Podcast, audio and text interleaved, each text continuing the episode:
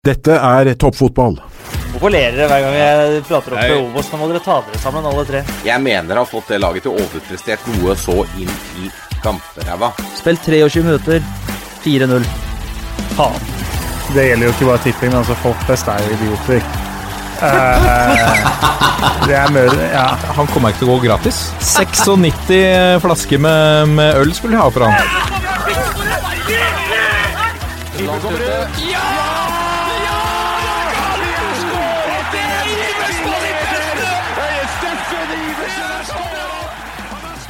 Og der er Toppfotball tilbake igjen med en splitter ny intro, selvfølgelig. Her har noen ligget eh, Hva skal vi si Lagt seg i eh, Jeg vet ikke Det er noen som har jobba hardt eh, med å endre intro. Fordi det er ikke en hvilken som helst episode, selvfølgelig. Det er episode 200. Eh, og da må vi Da må vi klinke litt ekstra til. Nå har vi lagt janteloven til side denne uka, publisert uh, ukritisk, uh, passe arrogant og offensivt, Uh, publisert hilsener fra, fra land og strand på sosiale medier, eh, men nå er vi altså samla for å spille inn episode 200. Og Lasse Wangstein, velkommen. Takk for det, Martin Ropstad. Eh, bra intro, da. Eh, Bra jobba. eh, bra. Ny, ny, er du fornøyd med dine utspill? Eh, fornøyd med mine utspill. Jeg tenker det kunne vært så mye verre, så da er jeg fornøyd. Det kunne vært ganske ille, skal jeg si det. Ja, det jeg Eh, du har jo meldt du har meldt en del, så jeg kunne fått det til å framstå ganske ille i uh, introen. Ja, Det klarer jeg vel selv, så du trenger ikke å løfte opp det i en intro, tenker jeg. Bra, fortsett med det. Jeg har faktisk fått litt tilbakemeldinger på at, uh, at tulipan og kaktus bør smelle litt ekstra. Ja, Uh, noen syns du er litt for snill, jeg er for snill, ja. Greit. så det kan du, det kan du ta med deg videre. Tar det med meg. Jeg er ikke sikkert jeg rekker det i dag, men jeg skal ta det med meg. Jørgen Kjernås, du er på plass. Jeg er på plass. Hvordan er, hvordan er ståa i Fettsund? Jo da, det er mørkt og kaldt, sånn som resten av landet. Så det er godt vi har en haug av fotballkamper igjen å spille denne sesongen. Nå trodde jeg du skulle si sånn, sånn som resten av sesongen, eller resten av livet, eller et eller annet sånt. Det var Speile livet for øvrig. Nei, det er ikke så ille, altså. Ole Martin Eskilquist, du er på plass. Nå er du fortsatt i Strømmen sentrum, ser jeg, ikke på klubblokalet. Er det mindre å gjøre på arbeid? Vi får jo sånne ufrivillige tokers kampfri kampfriperioder da, stadig vekk, så eh, da blir det, blir det litt hjemmekontor, ja. Men eh, vi lever godt med å være hjemme litt innimellom òg. Og så har vi i anledning episode 200, eh, så må vi jo ha med oss en av eh, medgründerne, selvfølgelig, av eh, dette programmet. Selve hjernen bak avslutningsreplikken 'Vi er en gjeng'. Og altså han hadde jo i tillegg også en forløper til dette programmet på fjernsyn, som jo het Toppfotball. Vår egen Heather Locklear, gueststar Håvard Lilleheie. Velkommen. Ja, tusen, tusen takk. Jeg er eier av 33% i AS-et. Jeg gleder meg til å selge videre, cashe inn millionene og bare lugne ut. Det blir deilig. De penga skal jeg kose meg med. Tror du det kan være en, en eh, gruppe fra, fra Drammen skal være interessert? Slå seg sammen? Spleise litt? Jeg er en investorgruppe som kanskje kan gå inn med litt penger hver. Hver andel koster 250 000. Og så kan man spytte inn en sånn 10-15 millioner, f.eks. Det, er- det er en spennende tanke. Kan kalle seg blå magi. Men hvis, hvis Håvard har 33% betyr det at du har 66 eh, Martin? For jeg har jo ingen Jeg visste ikke at vi Nei, det er ekstern, eh, ekstern Det er hemmelig investor, kan ikke si det. det er, eh, han, Jan, Jan Haudemann Larsen han splitta penga mellom oss og Resett. Så det er spennende, det er veldig spennende portefølje, syns han. da. Han regner med at det skal vokse. Det er deilig. Nei, AS var nytt for Mm. meg, men det er ikke noe dum idé. Eh, vi, nå så jeg det Bettelys på Twitter at når kommer neste toppfotballkopp, så det er selvfølgelig det vi skal leve av etter olja, er eh, å selge toppfotballkopper. Eh, her er det mye, mye å ta tak i. Det er ikke for seint å kjøpe seg inn. Eh, jeg har tenkt å kjøpe meg inn.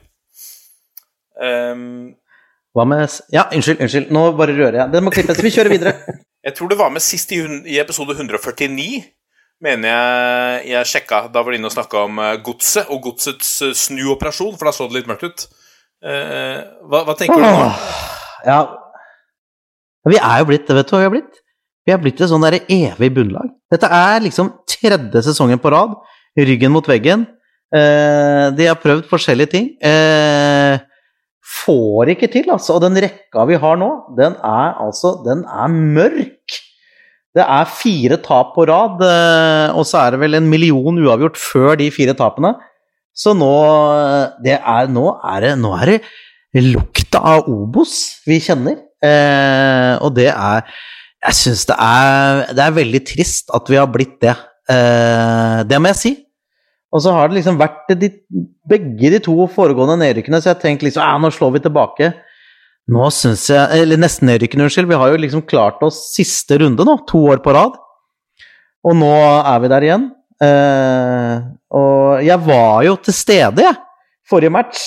Fikk med meg et, eh, en av ganske få nordmenn som var til stede ved et uh, historisk øyeblikk i, i norsk fotball, nemlig et lag fra Nord-Norge vant ligaen. Da var jeg der, og så 0-2 var det etter tolv minutter. Eh, så det er eh, Det var hyggelig for dem. Det er et veldig godt lag. Vi er ikke det. Hvordan er lukten av Obos, eh, Ole Martin?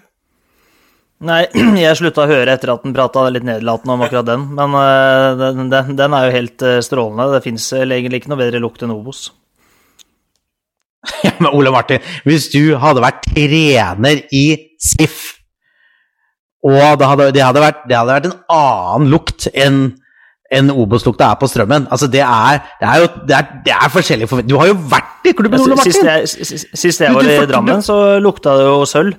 Men, eh, og det for, for all del det var en veldig god lukt, det òg, men Obos og det er ikke så gæren lukt, altså. Men jeg er enig i at sølv lukter bedre enn Obos. Ja, det lukter det, ja, og gull lukter jo aller best. Så du la jo på en måte grunnlaget du, for, eh, for godsets opptur? Jeg skal, eh, skal, ikke påberope meg å ha noen ting med akkurat det der å gjøre. jeg, var, jeg var veldig heldig som fikk være flue på veggen eh, når du tok sølv.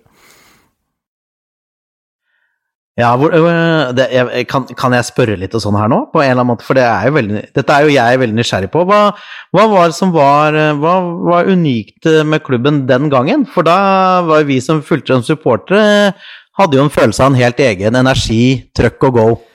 Ja, eh, det er jo mange ting, det, da. Men inntrykket mitt på den tida var jo at eh, det Ronny og trenerteamet hans dreiv med, var litt nytt. For det var jo en, en, ganske ny måte å lede på. Det var veldig inkluderende og veldig, eh, veldig opptatt av hele mennesket og det å drive en slags personlig utvikling. Og man hadde jo inne personlige coacher som, som jobba mye med spillere, spillerne for å, for å, få mye ut av de. Og så var jo Deila ekstremt tydelig på hvordan man skal spille fotball. Eh, og, og, det var jo en fremoverretta fotball med indreløpere i mellomrom og, og, bekker som skulle opp og slå legg, fylle opp boksen, eh, men kunne også være veldig ballbesittende. Eh, året jeg var der, var jo året Stefan fikk et slags gjennombrudd og blei en veldig dominant midtbanespiller. Det var mye pga. Deila. Og så var det et, et trenerteam som jobba ekstremt hardt og detaljorientert, og som utfylte hverandre veldig godt. Det var jo når jeg var der, så var jo Deila hovedtrener, og, Håkon Lunov og Bjørn Petter Ingebrigtsen var jo var assistenttrenere, og så hadde du Thomas André Ødegaard som keepertrener, og de fire sammen var, var veldig veldig bra. Og så hadde du masse andre folk under de igjen som var veldig flinke på, på spesifikke ting som de brukte godt, men de fire var um, veldig lærerikt å få observere over tid. Vi ja, det er uh... touche... ja, unnskyld, unnskyld, Martin, det er du som er programleder. Vi skal touche Dette er ikke manshow. Vi, vi skal, skal, touche litt mer innom godset i pulsen. Men uh, i, uh, i, dag skal vi selvfølgelig også ta for oss saken fra, fra, Stavanger med at Bjarne Berntsen er, er, ferdig, og de to assistentene kommer inn. Litt tanker rundt det. Vi, vi skal Dette er jo en podkast om norsk fotball, men når vi hører at man har tenkt til å Noen foreslår at man skal frede drakt nummer ti, så er det, er det, mange, til og med i norsk fotball, som uh, hever på øyenbrynene. Uten at dette er bestemt, så kan vi jo snakke om uh, noen av de mest legendariske nomentiene vi har fra, fra norsk fotball. Um, vi skal ta ut vårt eget eliteserie-drømmelag uh, med våre egne kriterier. I tillegg så har vi en rekke lyttspørsmål, men nå er det klart for ukens tulipan og kaktus. Nå må de faen meg skjerpe seg, for kommer jeg å rive hodet av hver enkelt av dem.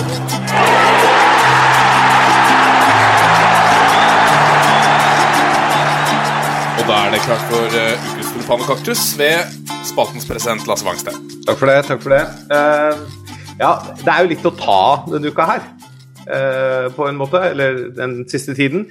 Jeg kunne jo da selvfølgelig nok en gang og dessverre gitt ut kaktuser til dommerstanden. Tommy Skjerven i Ålesund som ga Vålerenga en straffe de ikke skulle hatt. Eller Tore Hansen på Lerkendal som snøyt eh, Rosenborg for eh, to straffer etter hens, i første gang. Og som nok en gang eh, klarte å unngå å snakke med pressen etter kamp. Men det er jo klart, ukens soleklare kaktus må jo gå til våre venner i Kongsvinger. For maken til smittehåndtering trodde jeg ikke vi skulle se i toppfotballen så sent i sesongen. Altså, De ødelegger for seg selv, eh, ikke minst ødelegger de for så mange andre også. De setter he egentlig hele avslutninga av Obos-ligaen i fare. Eh, og det går utover andre lag som de kjemper om Erik mot. Og selv om jeg ikke støtter spekulasjonen og konspirasjonsteoriene, så forstår jeg veldig godt at det spekuleres om de gjorde dette bevisst for å rekke å spille ferdig kampen mot Stjørdalsblink før denne testen ble kjent, og samtidig kanskje slapp uh, unna med kortere karantene. Uh, så uh, kan vi legge til da at trener, daglig leder og alt mulig mann Espen Nystuen har fått karantene resten av sesongen for utbrudd mot fjerdedommer i nevnte kamp. Så gjengen på Hedmarken, de leverer. Så det blir kaktus i den veien, den retningen denne uka her. Det er beinhardt der oppe nå. Ja, nå er det blitt tungt. Kan jeg få skyte inn? Samtidig så sørger vi jo for uh, Det er jo ikke kjedelig på Hjemslund. Uh, de var jo matematisk nede fire minutter på overtid omtrent, og så kommer 3-2-skåringa som gjør at det lever faktisk et håp. Det er fem poeng opp til kvalik, seks poeng opp til sikker plass. De møter to av laga som er nedi der i de to siste kampene. Uh, ja, de, selv om de ikke leverer utafor banen, så leverer de i hvert fall spenning på banen for oss nøytrale.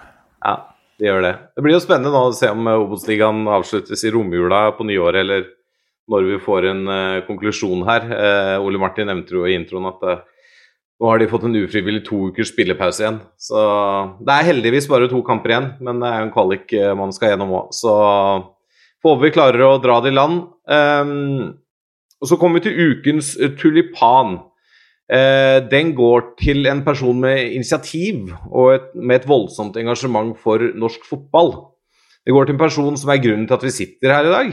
For hadde ikke ukens mottaker tatt initiativ til podkasten Toppfotball i mai 2016 og samlet en mer eller mindre brokete forsamling, så hadde vi ikke feira 200 episoder i dag. Så Martin, denne tulipanen er til deg, og den er vel fortjent.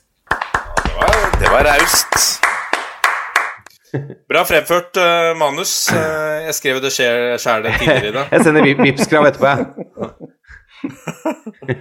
uh, nei, det var, det var, store ord. Det er jo en brokete forsamling på mange måter, og det er det som gjør oss veldig, veldig bra. Nei, jeg, jeg, mener jo at det, er jo det er jo noe med det at Christian Gauseth sa vel noe om det også i en sånn melding som vi fikk av han i anledning 200-episoderen, er jo at det er litt befriende å ikke være uh, At man slipper å legge bånd på seg fordi man er rettighetshaver eller må svare for en redaktør eller en redaksjon eller noe lignende. Um, og da kan man jo sette seg ned og snakke med Gud og hvermann. Jeg, jeg, jeg, tror i episode, i episode to så ringte vi Nei, episode én var det. Så ringte Håvard til Tommy Gulliksen. For han hadde vært i Nord-Korea og laga en dokumentar om Nord-Korea fordi at Jørn Andersen akkurat hadde fått jobben som trener for Nord-Korea. Så, så det, det, er på en måte sånn vi gjorde litt. Uh, det var artig. Ja, det var gøy. Det var artig. Men det, det er en stretch. Jørn, Anders, Jørn Andersen i Nord-Korea, det er for lite snakket om. Det var fantastisk. Nei, men uh, takk, til, takk, til, dere. Nå har vi holdt på i 200 episoder. Det er jo helt rått. Uh, eller som Kasper Wikestad sa, dette er ikke egentlig 200 episoder. Episodene er så jævla lange at dere kan jo minst feire 600. ja, det er sant. Vi hører jo andre podkaster hvor de sitter og sier ja, nå har vi holdt på lenge, og så har vi holdt på i én time. Ja, ja, den klokka har jo aldri gått her. Nei. Jeg tror mange hører på oss på 1,5 ganger hastighet, da. tror, tror du det? Ja, det er jeg ganske sikker på. Ja, praten går jo ikke så innmari fort der heller, så det er helt fint mulig å skru opp. Nydelig på en måte også. Uh, Nei, men det er jo en ære. Selvfølgelig, dette er jo veldig gøy. Jørgen Kjernås, uh, skal jeg ta deg litt på senga? Har du eh, Vi snakket jo Episode 100 snakket vi om beste episodeminne. Har du et har du et episodeminne fra, fra den tiden vi har holdt på? Fire år? Eller en gjest, kanskje? Som du husker spesielt? Ja, jeg tror Herregud, tida går fort. Jeg skjønner ikke, hvorfor det, jeg skjønner ikke hvordan det har blitt 200. Det, det føles som 75 eller noe sånt. Men uh, nei uh, Jeg syns jo fortsatt bilepisoden var gøy, jeg, da. Det, jeg syns vi skulle hatt flere episoder i bil. Det, det, det var det gøyeste.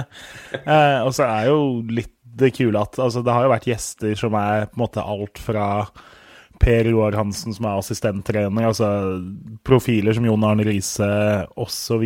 Og så liksom ned til litt sånn Holdt på å si en gjeng med Bodø-Glimt-supportere, som du hadde altså, Det er jo det er en relativt stor spennvidde i de 200 episodene, da. Det vil jeg si.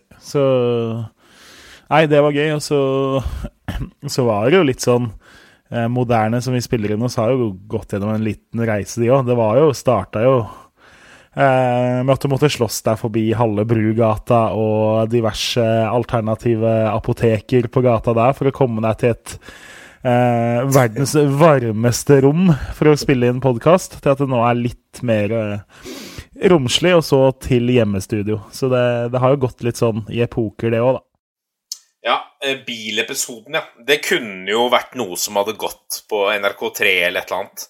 Altså fire Var vi fem stykker som kjørte rundt, stoppa folk på gata, spurte hva de syntes om Rosenborg, og kjørte videre? Det var, litt, det var noen varianter.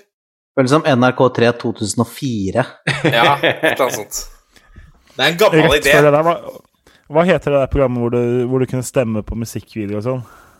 Som gikk midt på natta. På Swish! Swish, ja. ja dette, dette, var liksom, dette gikk før Swish, eller rett etter sånn klok klokka fem om morgenen uh, søndag, når uh, Swish-fyren måtte ta kvelden. Da kom dette på, liksom. Ole, Ole Martin, du er den ferskeste, um, uh, må vi kunne si. Har du et, har du et episodeminne eller et eller annet fra, fra, den tiden du har vært med oss? dette er jo din første sesong.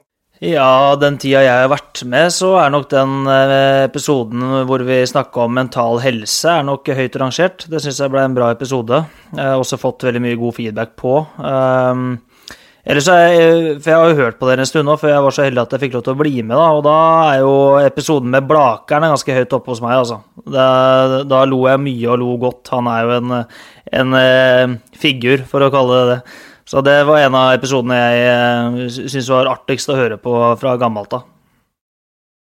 Nydelig mann. Nydelig mann, rett og slett. Uh, han er veldig fornøyd med deg nå, uh, så lenge dere holder plassen, tenker jeg. Ja, det er jo det det går på. Han er Strømmen-supporter, så han er fornøyd når vi vinner og misfornøyd når vi taper. Men det er akkurat, akkurat sånn det skal være. Det er deilig. Du da, Vangstein? Nei, altså jeg syns litt av styrken vår har jo vært evnen til at vi av og til klarer å få inn ganske spennende um, gjester. og Ole Martin nevnte jo den om mental helse, men uh, det at det Altså litt spennende i gjestene, og, men jeg syns jo det er stas når vi er på en eller annen måte kanskje litt med å løfte, løfte noen som fortjener litt ekstra oppmerksomhet, da. Uh, eller at vi snakker med noen som eh, kanskje ikke har fått så mye oppmerksomhet, men som etter hvert får det. At vi er litt eh, i forkant på sånne ting av og til. Og at vi er at, bredden, da. Altså, jeg syns vi er gode på bredde, og det er både i forhold til Jørgen, selvfølgelig, men sånn generelt også. Og så vet jeg også at vi kunne vært uh, mye bedre på Altså at det av og til da kan gå seg litt fast i type Vålerenga og Strømmen og sånn, naturlig nok, fordi at uh, Ole Martin og jeg sitter her. Men uh, jeg syns tross alt at vi er ganske gode på bredde, altså. Men Eh, jeg syns jo episoden med Bare Skjelbæk var gøy. Han er jo en morsom fyr. Og så syns jeg det var veldig stas at vi fikk inn eh, Renate Cupen Blindheim. Eh, selv om det dessverre ikke gikk så bra som resultatmessig etter hun var gjest hos oss. Men det har jo ikke nødvendigvis vært standarden for alle gjester vi har hatt. Men Sitter vi hypa henne hun, var jo på God morgen, hun var jo på God morgen Norge et par dager etterpå. Ja, ja alle liksom hypa henne beinhardt, og så var hun, hun prøvde sitt beste på å snakke ned egne forventninger. Ja, og det viser at hun har peiling, liksom, da. Ja, ja, absolutt. absolutt. Ja, så Nei, jeg syns det har vært, uh, vært mye, mye, gøy, altså. Eh, Håvard, da, hvor hardt frister det? Og hvor mye savner du å, å sette deg ned og snakke norsk fotball? Det er noen ganger du ringer meg og bare må tømme deg litt for litt frustrasjon over Strømsgodset? Ja, men det er jo mest, det er, da er det jo mest Strømsgodset, Martin. La oss være ærlig. Uh, jeg, er jo, jeg er jo glad i norsk fotball, men jeg er jo Jeg merker det altså, jo eldre jeg blir, at jeg er liksom Jeg er SIF-gutt. At jeg, jeg bruker så uforholdsmessig mye tid på å bekymre meg over den klubben og dens gjøren og dens laden. Eh, og det er jo sånn nå jo, jeg, jeg får jo ikke sett alle matchene i Eliteserien. Så jeg ser jo godsematchene, så ser jeg litt av en til, og så ser jeg høydepunkt. Så jeg er, jeg er jo ikke helt sånn Jeg merker at jeg har ikke den derre fingerspitzgefühlen. Sånn Så jeg jeg, jeg veit ikke så mye om de spillerne som Ole Martin har i strømmen, ikke sant. Det burde jeg jo visst. Hvis jeg skulle vært sånn fast inventar, så burde jeg hatt sånn helt Da burde jeg drive med det, nærmest. Så det er det jeg føler er liksom Det er det som er mangelen min. At jeg mener mye om mangt, men det er liksom for lite tyngde til å kunne sitte her jevnt og skulle ja, mene hardt om alt i norsk fotball. Det er det jeg merker. Ja. Vi syns det er gøy når du, når du tar uh, turen innom. Så får vi håpe at vi kan, du kan bli med i en episode hvor det faktisk går litt bedre med godset. Uh... Ja, det, det er jo spennende. Det er, Åh, jeg var der nå på stadion og null Nei, vet du hva, Dette her, nå skal jeg ikke begynne. Nå skal jeg ikke begynne. Nå skal vi ta det i tur og orden. Eh, og så skal dere få snakke litt om norsk fotball generelt først, Ja. og så skal jeg komme med mitt. Nå kommer pulsen. Og da er vi kommet til pulsen, og vi må rett til Stavanger som første punkt i pulsen, fordi eh, eh, det var vel en av årets mest overraskende nyheter i norsk eh, fotball, eh, kanskje, da nyheten ble sluppet i dag. Vi spiller på torsdag om at Bjarne Berntsen er ferdig i Viking etter, eh, etter 31.12. blir det i år. Eh, det har jo lenge gått litt rykter om at ja, han skal over i en ny rolle, og han skal bli sportssjef og litt sånne ting, men nå er han altså ferdig i klubben. Fått sparken, sto det med store tabloide overskrifter både i Stavanger Aftenblad og etter hvert i rikspressen. Og så kommer det fram da tidligere at det er assistentene eh, som tar over jobben. Eh, Jørgen Kjernås, overrasket? Ja, det kommer jo egentlig som lyn fra klar eh, himmel. Eh, man har jo visst at altså Bjarne Berntsen er jo ikke noen ung mann, og som du sier, han har jo vært påtenkt en annen rolle. Eh, Timinga er jo ikke så lett å forstå. Eh, fordi det er jo veldig vanlig at lag bytter trener eh, når de faktisk har noe eh, å spille for i bunnstriden. Viking er jo ute av den, har klatra opp til sjuendeplass, har egentlig ingen verdens ting å spille for. Så det er vel det de mente da de sa at det var riktig timing. Eh, sesongen nå på en måte handler om å bli nummer sju eller åtte eller ni. Eh, men likevel, altså Bjarne Berntsen kom jo inn for tre år siden. Tok over et lag som hadde rykka ned, som var i full krise på nesten alle parametere. Eh, har på tre sesonger først ført dem opp. Eh, sist sesong så gjorde han Viken til et topplag og tok eh, cupgull. Og så, selv om årets sesong jo er en liten nedtur i forhold til forrige sesong, da, så ligger de på sjuendeplass i øyeblikket. Det er et lag eh, som Bjarne Berntsen har gjort vanvittig gode ting med de siste årene. Og så er han jo også eh, en klubblegende, så det, det kan ikke være lett å sparke han. Eh, men altså, de uttalelsene som har kommet så langt fra styret der, er jo litt ulne og mye jeg håper å si mye ord, men lite konkret. Men eh, de føler vel at eh, skal Viking på en måte bli en stabil toppklubb, så føler de ikke at Bjarne Berntsen er mannen til å gjøre det. Eh, det har jo vært andre klubber i historien som også har sparka trenere etter gode prestasjoner. og det er jo noen likheter og samtidig noen ulikheter med altså Sandefjord som ikke for lenge med Sifuentes. Eh, og jeg tror jo sånn Altså, det handler jo kanskje litt om at nå, eh, sånn som fotballen er, eh, økonomien er pressa i klubba, så, så må du ta noen tøffere valg enn du kanskje måtte gjort ellers, da. Så eh, Og samtidig så tror jeg de Viking i hvert fall da, føler kanskje at de to gutta de som skal ta over, er kapable. Ja, for jeg, jeg forstår ikke Hvis du skal gjøre et sånt valg og offentliggjøre det fem runder før slutt, så forstår jeg ikke at det At de ikke har noe annet å komme med enn uh, opprykk for to assistenter. Altså Som, som sidestilte Ja, de har vært sidestilte assistenter. Det er jo rart, er ikke Jo, det, er ja. veldig rart. Nei, det, jeg må, vet du, her må jeg kaste meg litt på og, og, og synse uten tyngde. Eh, for dette her Jeg syns, det er veldig pussig.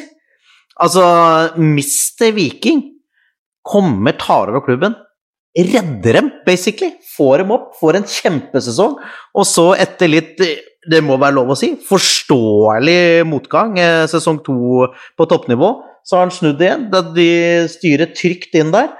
Eh, og det må være noe Jeg tenker det må være noe bakenforliggende.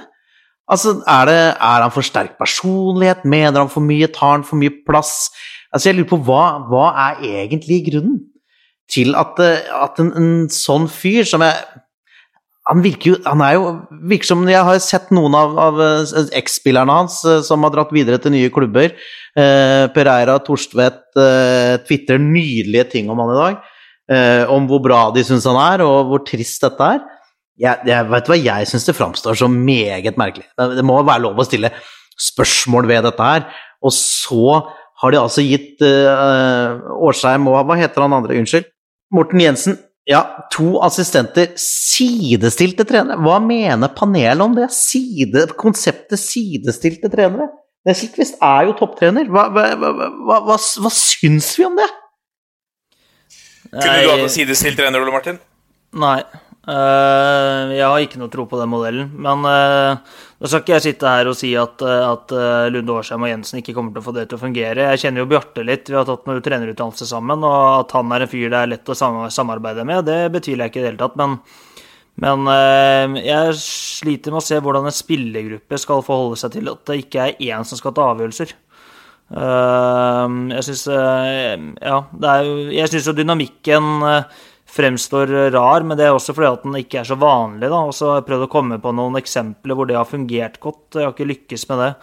Men øh, jeg, jeg syns også det virker veldig rart. og det er jo Bjarne Berntsen er jo, i hvert fall av alle de jeg har prata med og kjenner i norsk toppfotball, er jo anerkjent som altså, den desidert største eh, gentleman, eh, gentlemanen vi har i norsk fotball. Altså, han, han eh, er et unikum når det kommer til å behandle folk på en god måte og eh, rett og slett bare være en veldig, veldig bra mann. Eh, god, en, en god taper, en god vinner, fremstår alltid med respekt. Eh, og jobben han har gjort i Viking, har vært fantastisk, så jeg altså syns dette virker, virker veldig rart. Eh, og jeg, sånn jeg leser uttalelsen i media til, til Bjarne også, så virker det som at han også er skuffa over dette her, og da syns jeg det er, eh, fremstår som rett og slett litt dårlig gjort av Viking.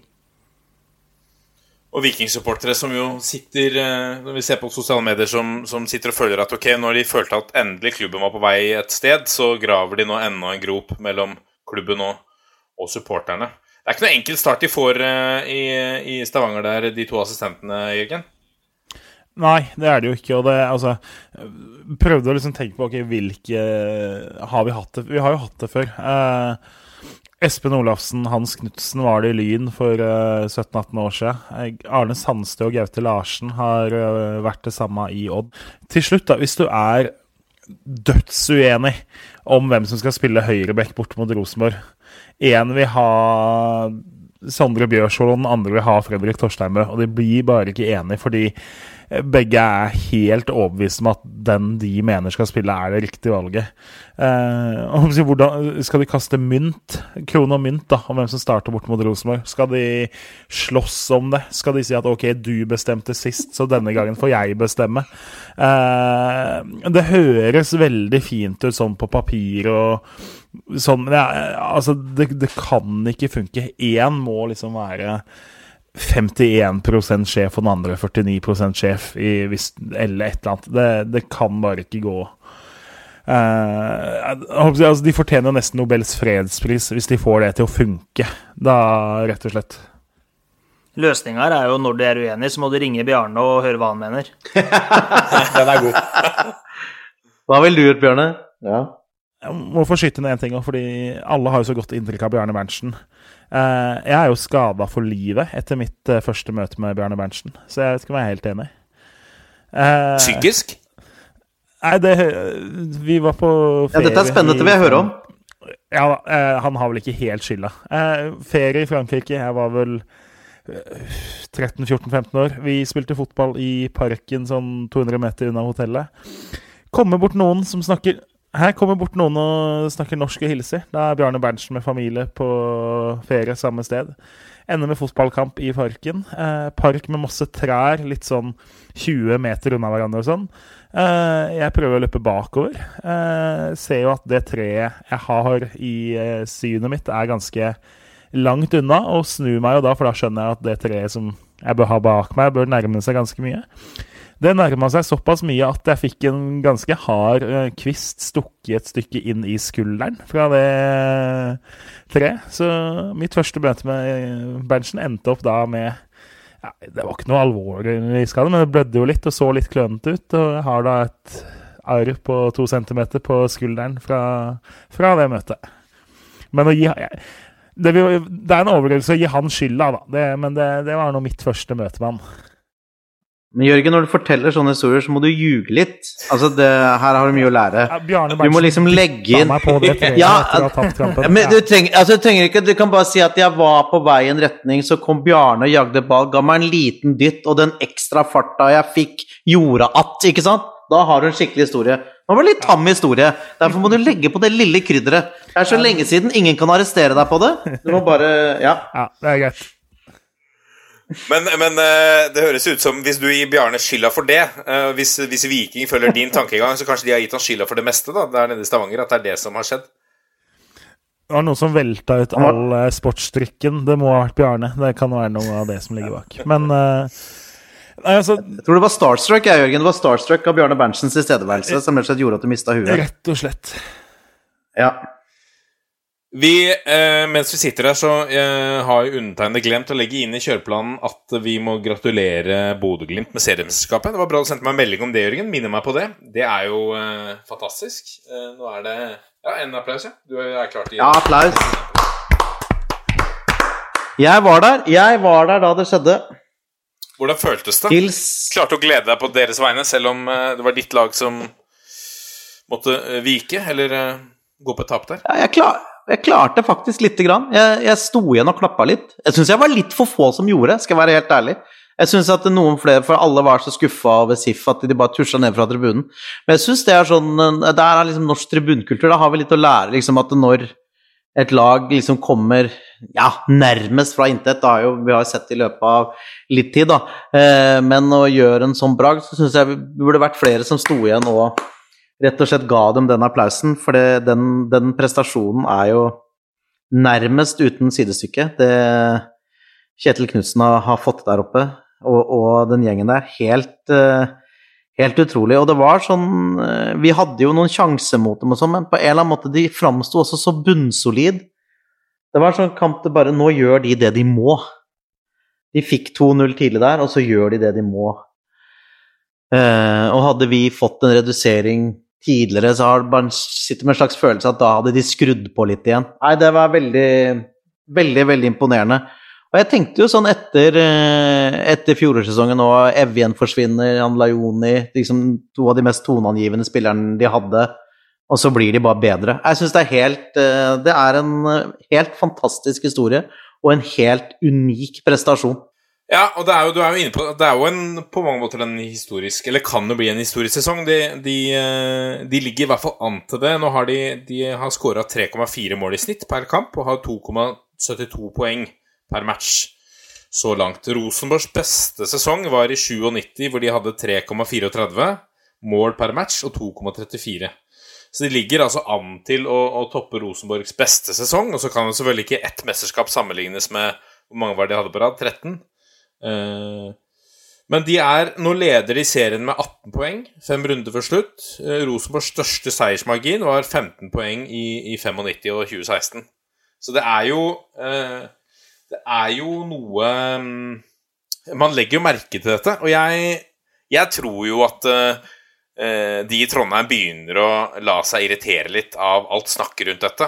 At det er klart, har du vunnet ligaen 13 år på rad som de gjorde, og du har underholdt en hel nasjon i Champions League og uh, år etter år. Uh, og så ser de nå at en, en lillebror, da, som de mange, på mange måter har vært i mange år, er i ferd med å utfordre litt den derre nasjonale kjæledeggstempelet som de selv også de siste åra har gjort sitt beste på å dytte fra seg.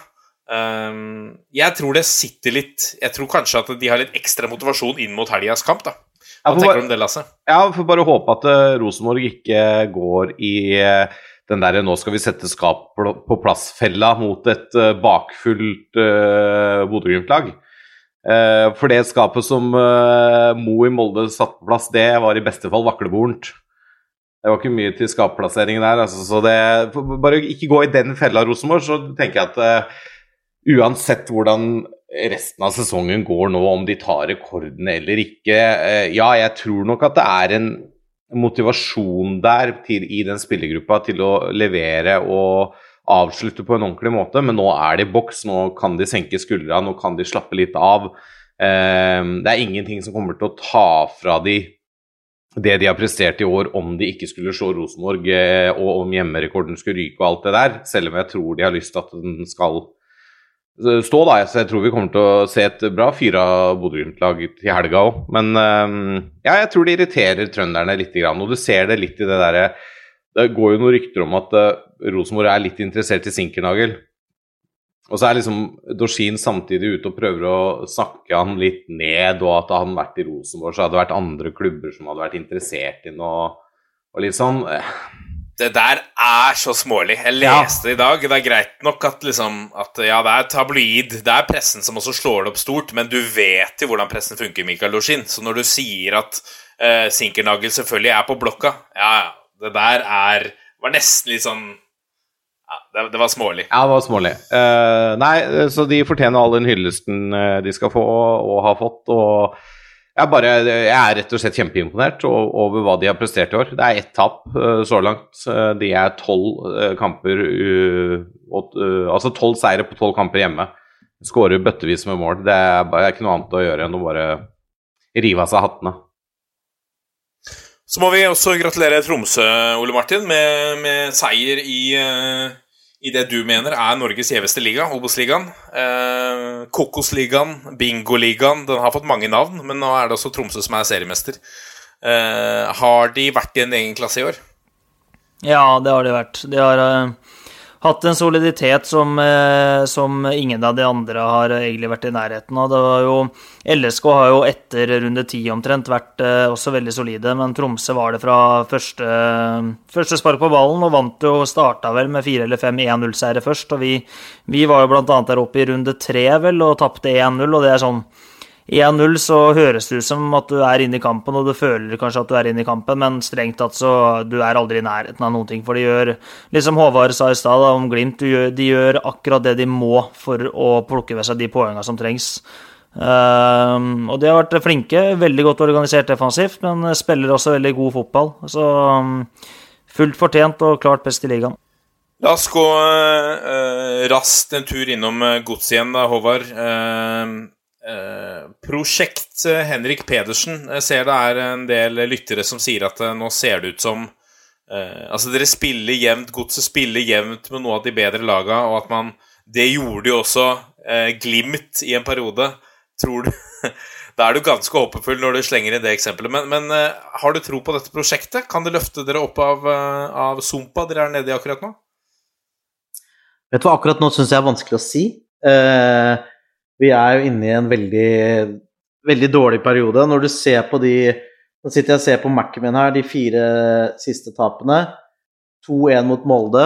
Ja, resultatmessig nært, men uh, Molde var klart best. Vi fikk en scoring helt på slutten der. Vålerenga 0-2. Ingen tvil om hvem som var best i den kampen. Mjøndalen 3-0. Skammens, uh, skammens kveld på Konsto Arena. Og så da Bodø-Glimt nå, som også er en sånn Ja, da får vi oss en redusering helt på slutten der. Men er vi egentlig så nært som, som det kan virke på resultatet av det? Jeg, det som er med Henrik Pedersen, da, som vi må Hvis vi skal sette det sånn litt i perspektiv, så kommer han jo Han kom jo virkelig inn i en klubb i fullstendig krise. Eh, han, da han kom jo inn, og så han, tok han noen kamper med den troppen som var der. Og, og så bytta han ut uh, vel over halve laget.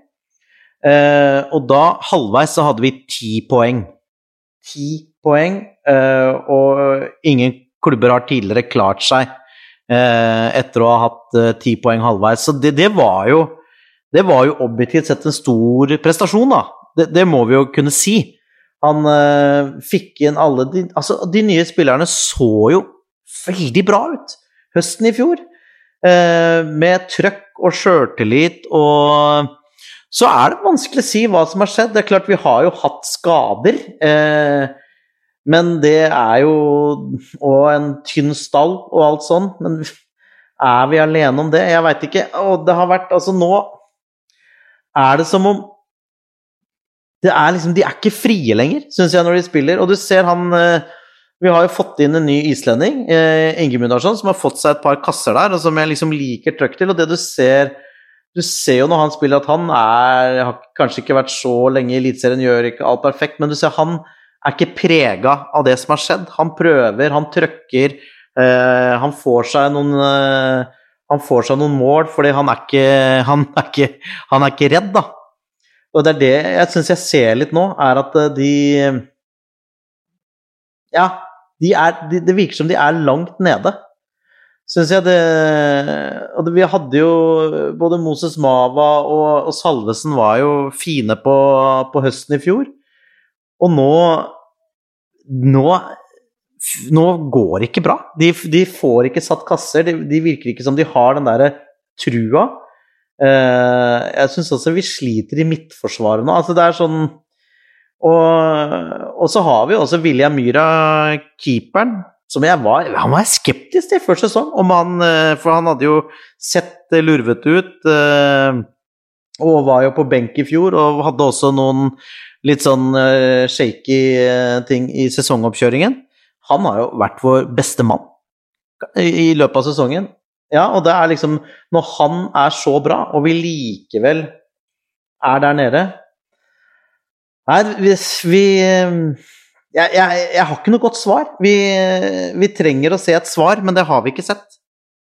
Og nå er det Kristiansund borte. Den Ja, det, altså, det er jo ikke umulig, det. Sånn som Kristiansund også er jo litt sånn har jo skal jo mye til for at de, de, skal gjøre mye riktig for å få Europa, og noen skal gjøre mye feil. Så kanskje, ja, kanskje kan det være en match der vi kan slå tilbake. Vi tok dem jo på høsten i fjor, men da var det et litt annet gods enn nå. Hva, hva, hva, hva tenker dere?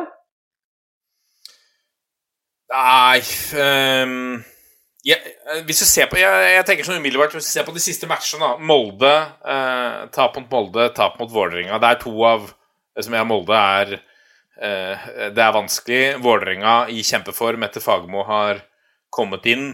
Eh, og Mjøndalen er jo bingo. Eh, og man kunne nesten sagt på forhånd der at Mjøndalen kom til å, til å vinne den matchen. Fordi de har Altså, på en eller annen måte så vil de alltid være underdog i de matchene der og, og komme unnafra. Og spesielt når godset også ikke er i, i form. Så, så, det var kanskje liksom Det overraska meg ikke i det hele tatt. Um, Nei, men, men, jeg kan være enig i at når du ser liksom hvert enkelt resultat sånn enkeltvis, så kan det Ja, det kan skje. Men når liksom allting skjer mot oss hver gang, da, da, da er det skummelt. Men uh, spørsmålet, da, Håvard. For at uh, Første gangen Deila fikk forlenga kontrakta i 2008, eller når det lå i bunnen, jeg tror, jeg tror det Hadde du trua på prosjektet hans da? Jeg hadde nok mer trua på det prosjektet, og det handla vel også om at da, da kom vi jo, ærlig talt, Martin, fra et helt annet sted. Uh, vi hadde jo vært nede lenge. Det var jo ikke så mange åra før klubben var praktisk talt eh, konk, ikke sant. Det var jo, det var jo et litt annet bakteppe. Nå, nå, nå, husker vi jo noen gode år, og, og rettferdig eller urettferdig, det gjør jo noe med en supporters forventninger, ikke sant. Altså, det, er jo, det, er jo, det er jo ulempen ved suksess, da. At det skaper et annet trøkk, ikke sant. Det, altså, og, og, og det som og det, altså Hvis dette blir en lignende Solsyns-historie Jeg håper jo det, for Henrik Pedersen har en helt sånn fantastisk energi. Og hvis han klarer å få det over i gruppa, ja, øh, og får øh, spillere til å jobbe med Det som var litt sånn Forskjellen logistikkmessig den gangen var jo at Ronny pleide å hente det er nesten for at Vi også ble jo kjent som et litt sånn ungt uh, lag med mye lokale profiler og sånn, men i starten der så henta han mye sånne uh, Ja, ikke sant, Inge André Olsen kom, uh, og Åh, hva er han heter? Jo, Vidar Riseth, ikke sant? Han henta inn sånne sluggere når vi hadde litt sånn ryggen mot veggen, for å få en type i garderoben, en type på banen som kunne være et rasshøl, og som kunne liksom lede i stormen. Og sånn sett så, så redda jo han kanskje litt gjennom de veldig pragmatiske signeringene der. Eh, også redda ting litt sånn de første sesongene, da, før han fikk bygd. Men eh, ja, men, men hvis du Når du ser eh, når du ser Strømskog Ole Martin, hva, hva, hva, tenker du om hva, hva, vi prøver på, hvordan det ser ut og hvor langt unna vi er? Og, ja? Nei, Nå har jo ikke jeg sett uh, ekstremt mye av Godset i år, men inntrykket mitt er jo at uh, man, man, prøver jo definitivt å spille en uh, veldig attraktiv og god fotball. Som det er basert på så, der, heavy metal-fotballen til Klopp og gutta, hvor det skal være gegenpress og Det skal gå fort framover når du har ballen, og, og basere mye på overgangsspill, men også mestre å ha ballen. Det er vanskelig, da. Og så er jo det er jo bare spørsmålet om du enten får tid til å utvikle spillerne dine godt nok til å håndtere det, eller så må du hente inn noen, da. Um, og det er jo type som Moses Mava, da, som har, har eh, X-faktor-kvaliteter framover banen, men som ikke hadde sin styrke i presspillet når han var KFM-spiller. Så er det, det er jo et godt stykke fra å, å være en, eh, en litt under middels presspiller i Obos-ligaen til å skulle være god i høytpresset til Henrik Pedersen i Eliteserien. Eh, så det er jo spørsmålet, men eh, jeg har inntrykk av at det man prøver å få til, er veldig ambisiøst, og det kan være positivt. Eh, og så har man ikke helt lykkes ennå, og det tror jeg vel de også vil være enig i. Ja. Nei, det er jo Ikke sant, og det der er jo forskjellige sånn innganger som trenere har til fotball. Da. Den derre uh, I den ene enden så har du liksom det å være helt sånn pragmatisk. Hva har jeg av materiale her? Hvordan kan jeg organisere det best mulig for å, for å, for å ha størst mulig sjanse til ett eller tre poeng eh, kommende helg. Eller det er liksom å bygge et helt nytt lag som skal spille eh, ny fotball og bare følge liksom plan A hele veien. Det er jo du, det, Jeg har ikke noe fasit på det. Og det, altså det, er jo, det, er jo, fremdeles et kjempeungt lag. Så hvis vi klarer oss å, å overleve, så ja, kanskje. Vi har jo vært litt Eh, ikke sant, uheldige med signeringen nå denne sesongen. I hvert fall han i Kauniex eh, som kommer fra Litauen, og han Møllvalgård dansken, som begge var, eh, var under pari, og som reiste hjem kjapt. Sånn at du Det var jo ingen av de heller som heva laget i det hele tatt. Så det er jo Nei, det er Jeg, jeg veit ikke. Jeg sitter jo bare som du, du, sitter jo og ser en annen fotball når du sitter som supporter, tror jeg, enn når du sitter som et, eh, et hardcore trenerhue. For du sitter, ikke sant Du vil bare Du vil bli inspirert og, og, se, og se, punch og kraft. Og når, når, du ser det ikke går, så blir du jo frustrert. Jeg syns jo, jo, det Håvard Altså, de har jo bomma på signeringene. Eh, det henger jo også litt sammen med det her eh, konflikten med Drammenspatriotene, som jo gjorde at de hadde en veldig uklar økonomi og måtte stå av en del spillere. Eh, Niklas Gunnarsson har ikke vært noe jubelhistorie, det heller. Og så har de i tillegg vært uheldige med en del skader, da, hvor Par mister jo hele sesongen. Stengel har vært mye ute. Chamba er jo nylig tilbake. Så det kombinert med en vanvittig tynn stall, da, så er det jo litt sånn at i denne mest hektiske kampperioden i starten så ble jo Godset tvunget til å bruke de samme elleve spillerne uke inn og uke ut, og veldig mange av dem spilte på 70, 80 og 90% men måtte likevel starte kampa fordi på benken så hadde du bare 17- og 18-åringer som ikke hadde erfaring fra Eliteserien i det hele tatt. Eh, så jeg syns jo folk som f.eks. Maigård der, som også har hatt litt sånn vondter, da, men har spilt veldig mye fordi man knapt har hatt alternativer. Jeg syns mange av dem ser litt slitne ut og mangler overskuddet. Eh, og det henger jo da sammen med at den stallen var så vanvittig Den er vanvittig tynn. Eh, det er ti av spillerne som jo har starta nesten alle kampene, og så er det liksom litt rullering eh, ellers. Men eh, eh, de mangler definitivt det overskuddet. Også på litt sånn lengre sikt så er det jo litt sånn Eh, Brann vant jo gull, rykka ned eh, 28 år seinere. Stabæk vant gull, rykka vel ned fire eller fem år seinere. Eh, Godset er litt sånn i samme greia. da. Altså, Du har bygd opp så lenge. Du har tatt steg på steg på steg, bygd stein. Endelig klarer du gullet. Forsvinner noen nøkkelspillere. Eh, du klarer liksom å gjøre det OK med restene. Så forsvinner treneren, og de andre som er igjen fra gullet, begynner å bli gamle.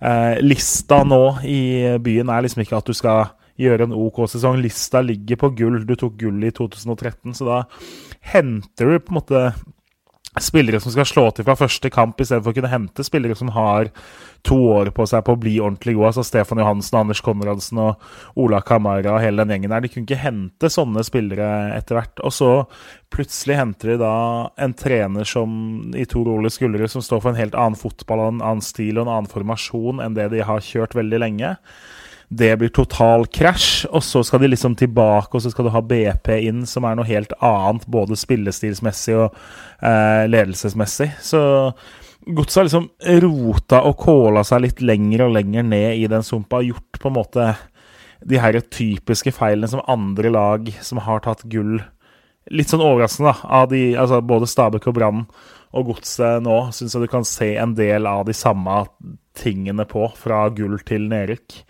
Eh, så på en måte det, det er litt sånn varsla storm. Og så får vi jo da bare si at uh, Bodø-Glimt de får bare forberede seg på et nedrykk en eller annen gang mellom 2025 og 2027 et sted. ja. Vi, eh, jeg regner med at vi kanskje kommer til å touche innom et par godsespillere også i, når vi skal høre din favorittelver, Håvard, eller ditt, ditt drømmelag. Uh, ja, partere der. Ikke sant. Um, vi tar med en sak til fra Pulsen, fordi Diego Maradona har gått bort. For mange er han en av de største, eller den største, i, i fotballen noensinne. Eh, noen har et, et, tettere forhold til han også enn andre. Uansett så var det utvilsomt en av fotballens aller største personer og, og, og spillere som, som, som, gikk bort. Eh, men eh, vi skal ikke bruke så mye tid uh, på det her. Men jeg har lyst til å, å ta fram et sitat som kommer litt sånn i kjølvannet av den saken. For det er klart at det blir jo nesten en litt sånn kamp om hvem som skal hylle han på best mulig måte. Du ser den ene etter den andre publisere hilsener på sosiale medier. Den det ene med det mer fancy bildet etter den andre. Uh, så toppet det seg helt for meg da André Villas Boas, nå er han vel trener i Marseille, gikk ut og sa at nå vil han at alle drakt alle, Altså, Fifa skal gå inn og frede drakt nummer ti i alle lag og alle turneringer. Altså, det er jo helt er, er Jeg skrev det til deg, du responderte jo, uh, Ole Martin. Har han fullstendig gått fra vettet? Det er jo uh, Jeg vil jo si um, uh, For mange så er Lionel Messi den største liksom eller hvis, hvis, hvis uh, jeg skal se på min nevø, da, som er, eh, som er, 13 år, så er Lionel Messi den største tieren mest sannsynlig han har opplevd. Eh, Lionel Messi er jo ikke den største tieren jeg har opplevd. Eh, jeg har jo aldri sett Maradona spille heller. et sånt utspill å gå ut og kunne frede et draktnummer er jo nesten med på å undergrave alle som er glad i fotball, Lasse. Ja, altså jeg, jeg, jeg syns jo det blir helt tullete, altså, og det er ikke av disrespekt for Diego Armando Maradona, for det er en fantastisk spiller. Men skal da det være sånn at det er ingen basketlag som får lov til å spille med nummer 8 eller 24, for det var det Kobe Bryant bar i Los Angeles Lakers? Er, er vi på det nivået? Jeg forstår at det enkelt klubber kan gå inn og frede draktnummer, kanskje spesielt i type amerikanske idretter, så er det veldig vanlig. Ehm, jeg vet at Argentina prøvde å gjøre det på landslaget en periode, men fikk ikke lov av Fifa i mesterskap.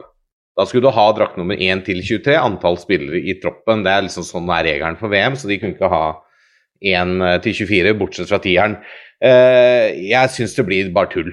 Det, det, er rør, rett og slett. Det, det, vi, vi, kan ikke ha det sånn at ingen lag skal få lov til å spille med nummer 10 fordi at eh, Diego Armando Maradona gikk bort i en alder av 60 år etter et noe hardt liv. Ole Martin, hvem er den største tieren eh, i ditt liv? Ikke ditt liv, på en måte. Du har sikkert kanskje en tier i Fotballspiller. Ehm,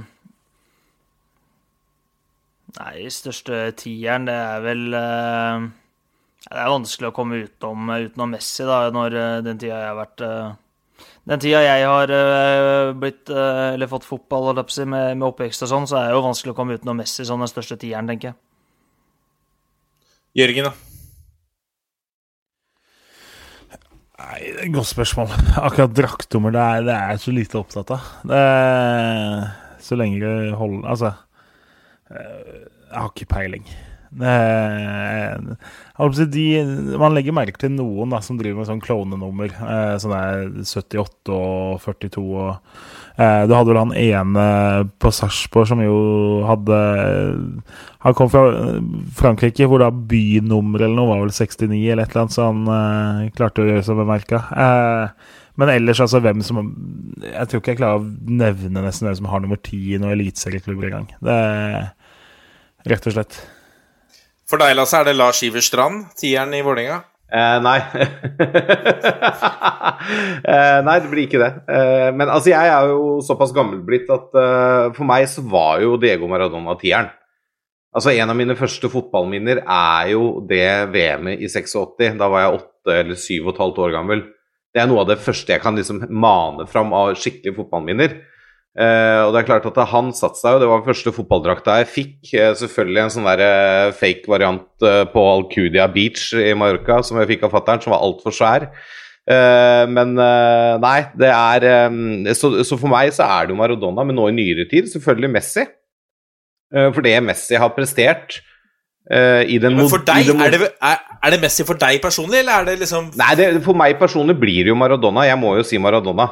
Men det er ikke sånn at jeg tenker at han er den eneste tieren, for det er mange spillere der ute som bærer tieren eh, med respekt, og som fortjener å bære tieren. Selvfølgelig, for mange så er tieren et spesielt draktnummer.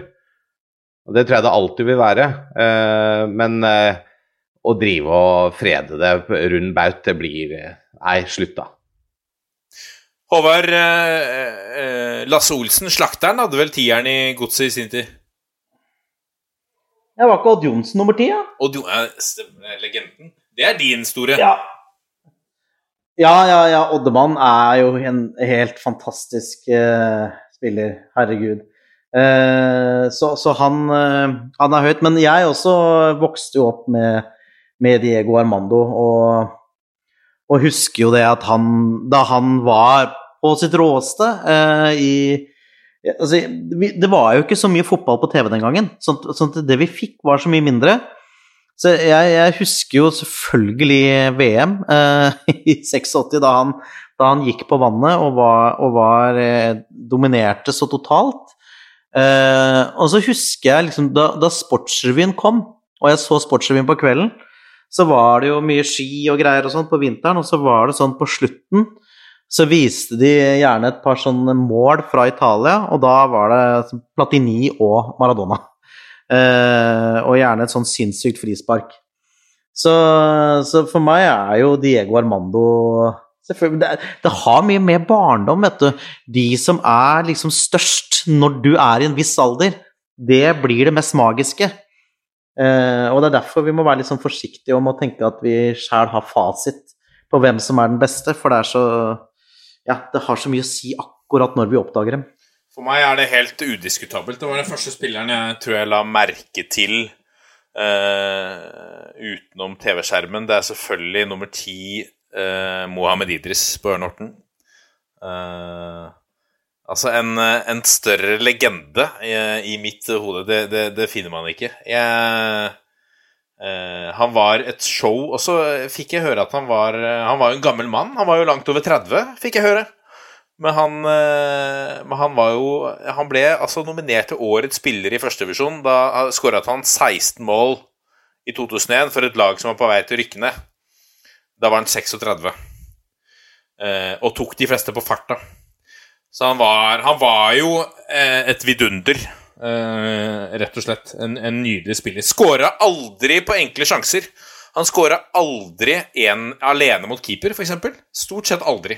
Men han satte liksom litt sånne vanskelige goaler. De, de uh, Jeg tror når han fikk tid til å tenke Han måtte la instinktet styre. Fikk han for mye tid til å tenke, så, så ble det for mye. Det er jo, litt, det er jo i tierens ånd, det der, vil jeg si. Ja, på mange Å være instinktspiller. Ja. Dette er toppfotball.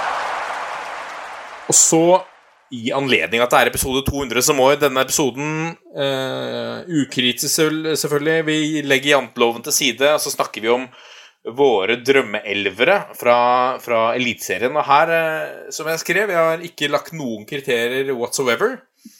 Uh, det betyr ikke at ikke enhver elver eller spillevalg er åpen og er åpen for slakt eller kritiske røster fra panelet, selvsagt. Eh, skal vi, skal vi begynne med deg? Vi, la oss begynne med deg, Jon Martin. Du, eh, du sa at du trodde du kom til å få tid til dette, eller du måtte se an litt treningsuka, men så tok det én time i etter sendte deg oppgaven, så var du ferdig.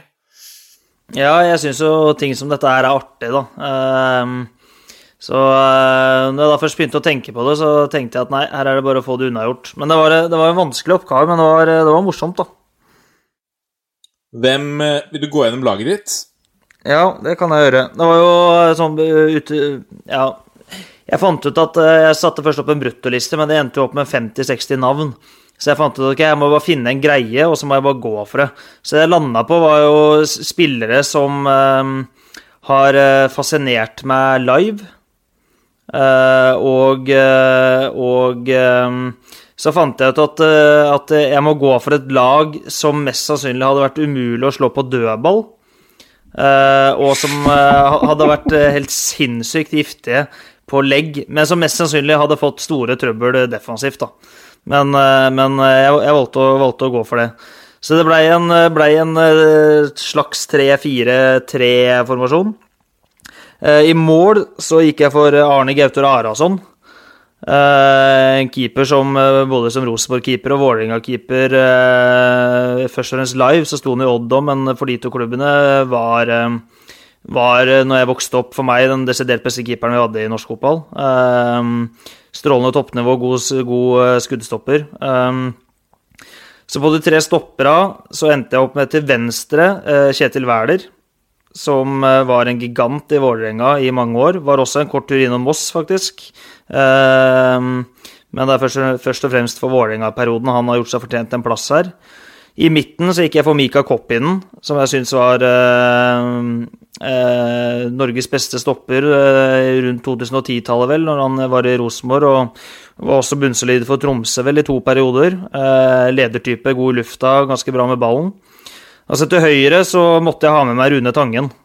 Eh, fra, fra Moss. Eh, så kan man kimse av det, men jeg syns det er litt fortjent òg. For jeg, jeg tror Rune, Rune Tangen er den eneste midtstopperen som har spilt stopper på et lag som rykker ned fra Eliteserien, men allikevel blir kåra til årets spiller på VG-børsen i, i 96.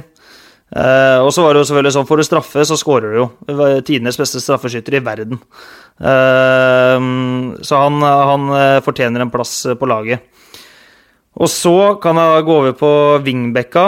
Eh, til høyre så kan det hende at eh, mange ble overraska over det, men det er for meg en spiller som jeg så ganske tett ganske lenge, som er en, eh, en av de mest undervurderte spillere vi har hatt i Norge. Det er Øyvind Storflor.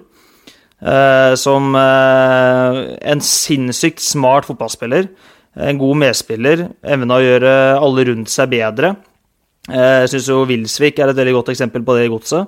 Eh, og med høyrefoten hans så eh, vil dere forstå etter hvert at den høyrefoten på høyre vingbit, den, den kommer til å gjøre seg. Eh, på venstre vingbekk så gikk jeg da for en litt lignende type fotballspiller, litt lavere. Der gikk jeg for Raymond Kvisvik. Jeg syns det er vanskelig å ha med Altså ikke ta med han som var eh, en så leken fotballspiller eh, i så mange år i norsk fotball. Eh, også en veldig smart spiller, og venstrefoten hans er selvfølgelig også eh, viktig her inn i elveren. Eh, så må du ha en klovn i garderoben òg, den, den kan han ta. Eh, og da to sentralt, så fant jeg ut at med de to wingbacka, som primært er offensive spillere, og Raymond som ikke kommer til å ta et defensivt løp i det hele tatt, så må du ha en ved siden av Raymond som gjør at han i hvert fall løper når han må, for hvis ikke så blir han redd, og da gikk jeg for Martin Andresen. Uh, både Vålerenga, Brann og Stabæk. uh, er nok ikke Vålerenga-perioden som spiller. Du har han med for å skremme Raymond Kvisvik? Ja, først og fremst. men, eh, men jeg syns Morten Andresen var en fantastisk eh, fotballspiller og ledertype. Men først og fremst for å gjøre Raymond litt, rann, litt rann redd, så at Raymond løper litt ekstra. Det måtte blitt han eller en eller annen kompanirekrutt altså for, å, for å fyre han opp litt. Um, og så ved Skal vi får få av en eh, liten kommentar fra for, Fordi det er jo din gamle troppskollega, dette, Håvard, fra Kompani Lauritzen. Uh, Raymond viste seg jo fra en litt redd side i programmet også. Ja, men da må jeg si noe som eh, fotballspillere eh, ofte sier Nei, fotballtrenere, unnskyld, når de skal snakke om eh, noen av sine beste spillere. At jeg alltid elska spilleren Raymond Kvisvik, men jeg er enda mer glad i mennesket Raymond Kvisvik. Og han altså er en av de fineste fyrene jeg har møtt. Altså alltid på tilbudssida. Trenger du hjelp? Han sto opp før oss hver morgen, han og Desta, og liksom begynte å vaske ordne i brakka. Kaffen var klar. De bare Altså, og hver gang det var noe, da han så du holdt på med noe Du trenger hjelp, eller? Helt, helt toppfyr. Eh, så han eh, Ja, da må jeg bare si at han eh, Han fortjener både som spiller og menneske å være, å være i elva. Mm. Ja, helt utvilsomt. Så ved, siden av Andresen da, så, så måtte jeg ha en løper, og så syntes jeg det var vanskelig å ta ut det laget her uten å ha med Roar Strand. Eh, sikkert litt kjedelig, og kunne satt den jo, du kunne satt den på alle posisjoner, men eh, jeg valgte da å ha han sentralt. Og da er det de tre på topp, da, og da fant jeg ut at når jeg først skal ha med Storflor og Raymond, så må jeg ha noen som kan ta imot legg. Så på topp så gikk jeg for Frode Johnsen, Steffen Iversen og Peter Kovacs. Eh, det, Det er bare å få ball i boks, ball i boks. ja, det er, jo, det er jo en enkel elver å trene, for du får bare kun én måte å spille på. Men eh, det hadde vært ubehagelig å være stopper der, altså, det er jeg ganske sikker på. Så det, det valget sikkert flest eh, stusser på her, er Peter Kovacs. Men Peter Kovacs var jo i godset den perioden jeg fikk være litt der, og han også er jo en fantastisk eh, fyr. Han er en av de mest profesjonelle spillere jeg har vært borte noen gang. Møtte opp før alle andre, trente, fordi han begynte jo å dra på året allerede da, men skulle ha kroppen sin klar. og... Eh, har jo en spisskompetanse som, er, eh, eller som var ekstrem. eh, Og så har han tross alt spilt mye kamper og skåra mye mål i ligaen, så jeg syns det var helt eh, fair å ta med han. Det var en nydelig elver. eh, Ja, Martin. fantastisk. jeg, jeg, jeg liker godt at du starta med bruttoliste, så du tok ut et brutto uttak, og så, og så jobba du deg nedover. Jeg en, endte sånn. Det er nydelig. Lasse, Ja, jeg også var jo sånn eh, at det er, det er jo litt kjedelig å bare plukke ut de elleve beste eh, som jeg har sett i Eliteserien. Så jeg har da plukka ut, eh, kanskje ikke overraskende, fotballklubben Signalspiller. Og Det ligger vel eh, i navnet. Det er et lag bestående av eh, såkalte signalspillere. De som eh, går foran, de som løper de ekstra meterne, som kjefter og smeller, som klinker til i dueller. og som er på eller over grensen ganske ofte.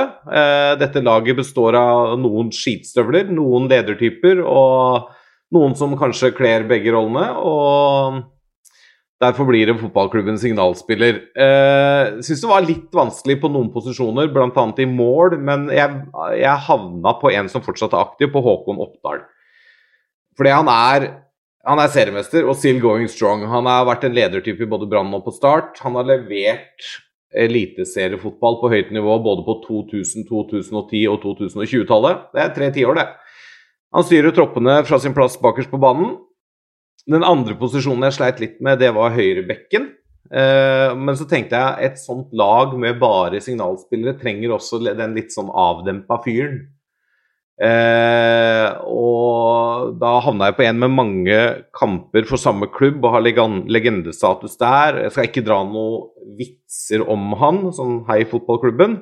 Men André Danielsen, han, eh, han gikk foran enten på midtbanen eller høyrebekken, så han eh, er høyrebekken. Og så har vi første stopper. Jeg, har lagt, satt opp en slags 4-4-2. eh, uten at det er noen definerte kantspillere. Eh, ene stopperen eh, Når du kommer til en klubb egentlig som sånn eh, vedheng til en annen spiller som er broren din, og det første du gjør er å takle deg inn i hjertene til Vålerenga-supporterne, da har du noe i deg. Så Erik Panserhagen han må selvfølgelig inn her. Han er for så vidt en ledertype også, men samtidig en humørspiller humørspreder med sitt sære jeg, med Elvis og full pakke. Og så er den viktig sammen med en vi kommer til litt lenger frem på banen, eh, som han danna et radarpar med både på klubb og landslag. Liten teaser på ene spissen. Eh, ved siden av Panser så syns jeg det er vanskelig å komme utenom Kolbotn-gutten som ble helt på Åråsen. Han er fortsatt delvis aktiv i Obos-ligaen, eh, men det blir i beste fall en minimal parentes for karrieren hans. Harde taklinger, noen ganger langt over streken. Hard type, og jeg husker fortsatt med glede brytekampen han hadde med Azar Karadas. Det var så beskrivende for begge to. Frode Kippe, dodørslamreren, han skal inn på FK signalspiller. Det, sånn er det bare. Venstrebekk, en spiller som har blitt seriemester åtte ganger og vunnet cupen to ganger. Det er ti titler i Norge. Han slegga en venstrefot og han toga opp og ned venstresida. Like mye angrep som i forsvar, og han var taklingssterk. Så Ståle Stensås han går trer inn på venstrebekken. Og så er det sånn da at uh, når du har min bakgrunn, så må uansett all time-lag, så lenge det er positivt lada, så må Morten bære på laget. Han er ledertype på treningsfeltet, han er slu, han er målskårer og har nest flest kamper i toppdivisjonen i Norge. Han er udiskutabel. Han, uh, han får den rollen litt ut til høyre på midtbanen, og litt sånn fri rolle der. Og så eh, sentral midtbane. Så får han med seg han med flest kamper på toppnivå i Norge. Han er altså bankers, ledertype, ordentlig skitstøvel og kranglefant. Vinnerskalle. Daniel Berg Hestad.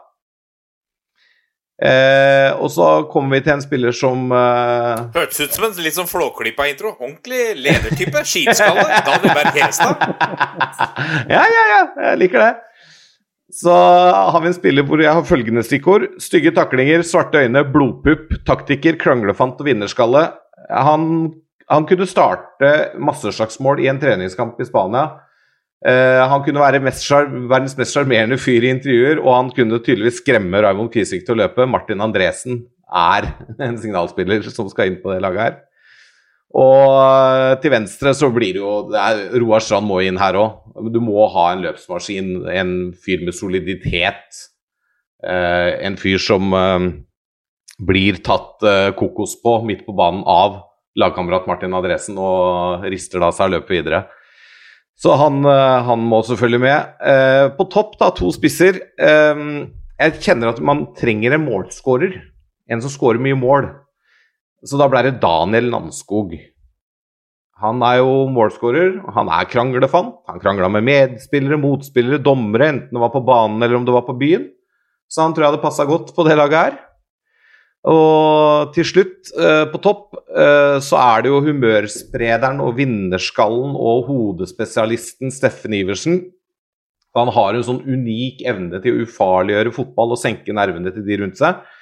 Enorm ballbehandling fantastisk å lobbe over keeper når han kommer alene med keeper. Han spiller den.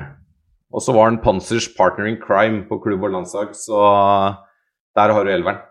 Det var, det, var, det, var, det, var en, det, var en, det var en fresk elver, eh, Lasse. Jeg, likte den Jeg, jeg, jeg, må jo få spørre først, da, Martin. Hadde du stå, eh, Oppdal, eller hadde du gått for Holmen Johansen istedenfor?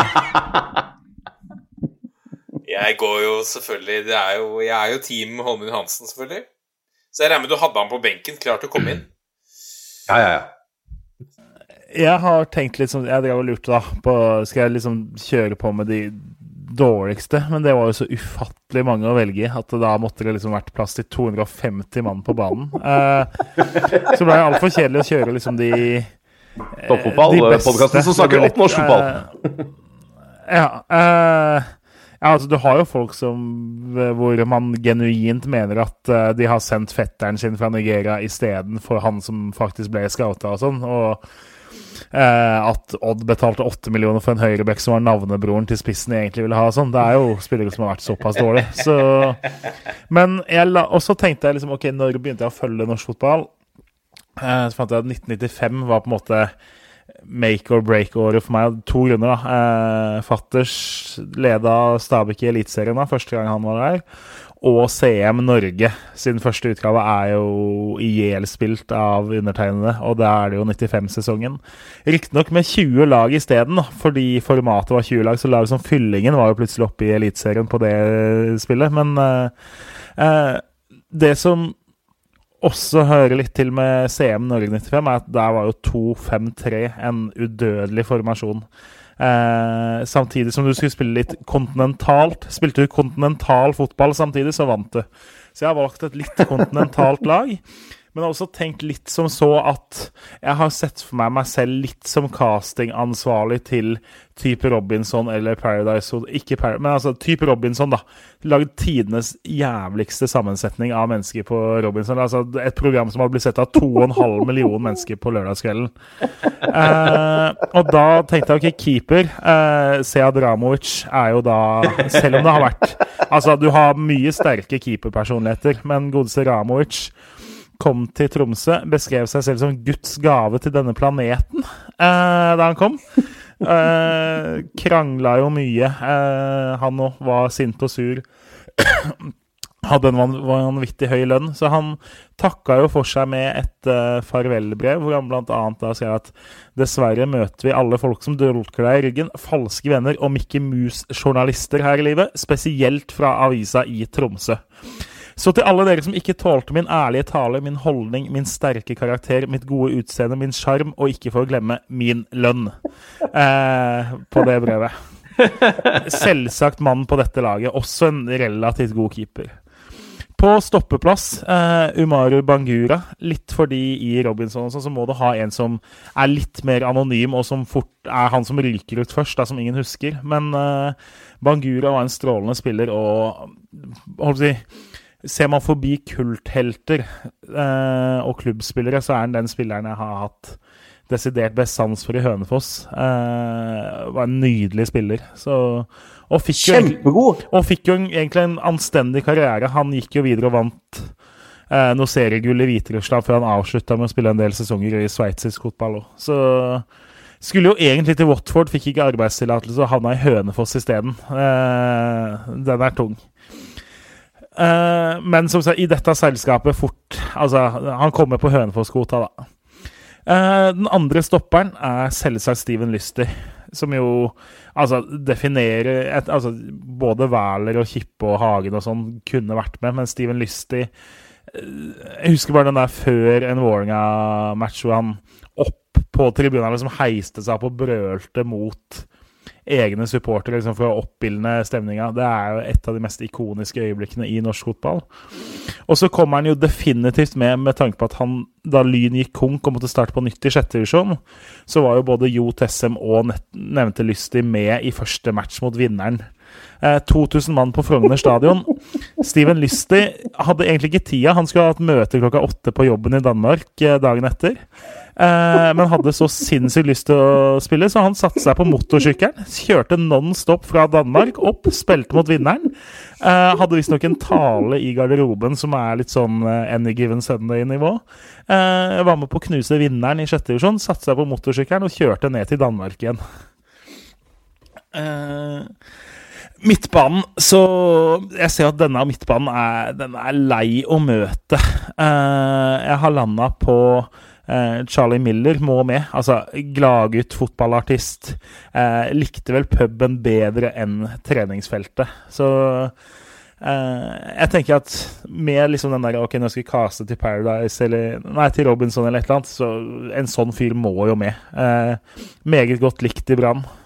En annen som må med fra Bergen, er jo Paul Scharner. Eh, som vel signerte med en sånn altså, altså, bare signeringsbildet, hvor han eh, har på seg en sånn halvannen meter lang frakk lagd av det ser, altså et eller annet, det ser ut som et dyr han har slakta. Og liksom, eh, så ut som han var med i Vikings eller Game of Thrones eller et eller annet i den frakken. Eh, var jo en utrolig sterk personlighet med voldsom vinnervilje. er jo bl.a. kjent for at uh, han fikk hjernerystelse mot Lokomotiv Moskva og skulle byttes ut. Han nekta Plento å gå av banen. Eh, og det var ikke nødvendigvis bare fordi at eh, han ville spille videre selv. Han skjønte vel at han måtte av, men han så at eh, Fredrik Klokk var i ferd med å skulle bytte inn for han.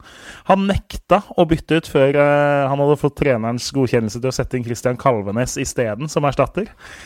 Eh, sånt blir jo veldig gøy i en garderobe. Eh, han hadde også en gang hvor han nekta å bli med flyet hjem etter å ha tapt. Han tok isteden inn på eh, hotell over natta fordi han skulle ha en ekstra trening for seg sjæl rett etter kampen. Så han liksom flydde rundt og løpt eh, rundt stadion istedenfor å bli med laget hjem. For han trengte, trengte å trene. Var jo også god og blei solgt for mange millioner og spilte mye Premier League. Eh, Casey Wehrmann og Antony Annan, jeg tror eh, Altså, neppe gøy å møte på fotballbanen. Eh, Wehrmann rakk jo å starte et barslagsmål. Det var vel med LSK eller var det med Fredrikstad eh, nede i Syden. Og tok på seg mye av skylda. Eh, dro på seg mye kort. Antony Annan var jo sannsynligvis en av de verste spillerne å møte på en norsk fotballbane noen gang. Eh, er jo også legendarisk både for den her eh, finger opp i rumpa-krangelen med Andresen og Nils Erneggen Eggen. Altså et av de beste Når vi snakker om ikoniske øyeblikk i norsk fotball, så er jo det et av de mest uh, minneverdige intervjuene. Så, og i tillegg, for da Kofi Annan skulle til Norge, så hadde jo Antony Annan meldt at dette var jo onkelen hans, så han skulle jo møte han. tenkte han. Eh, så viser det seg at onkel på ghanesisk er ikke helt det samme som det vi forbinder med onkel i Norge, da. Så Kofi var vel ikke like klar over hvem Antony Annan var, som det var motsatt vei. Så det ble vel noen merkelige stunder ut av det òg. Sistemann på midten er Jon Obi Miquel, fordi altså du Ja, rett og slett altså, han, han rakk vel seks matcher i Eliteserien, eh, i Tippeligaen, så litt tynt grunnlag sånn sett. Men når du snakker liksom episoder og saker og ting man husker fra Tippeligaen, da På en måte prøve å tenke hva husker jeg tilbake fra 95 og fram til i dag? Altså Miquel-sagaen og alt styret der, og da han ble jeg, omtrent kidnappa av John Shittu og Altså, hele styret der. Det er så ikonisk. De fant han igjen oppi en skråning på vei mot Gardermoen der?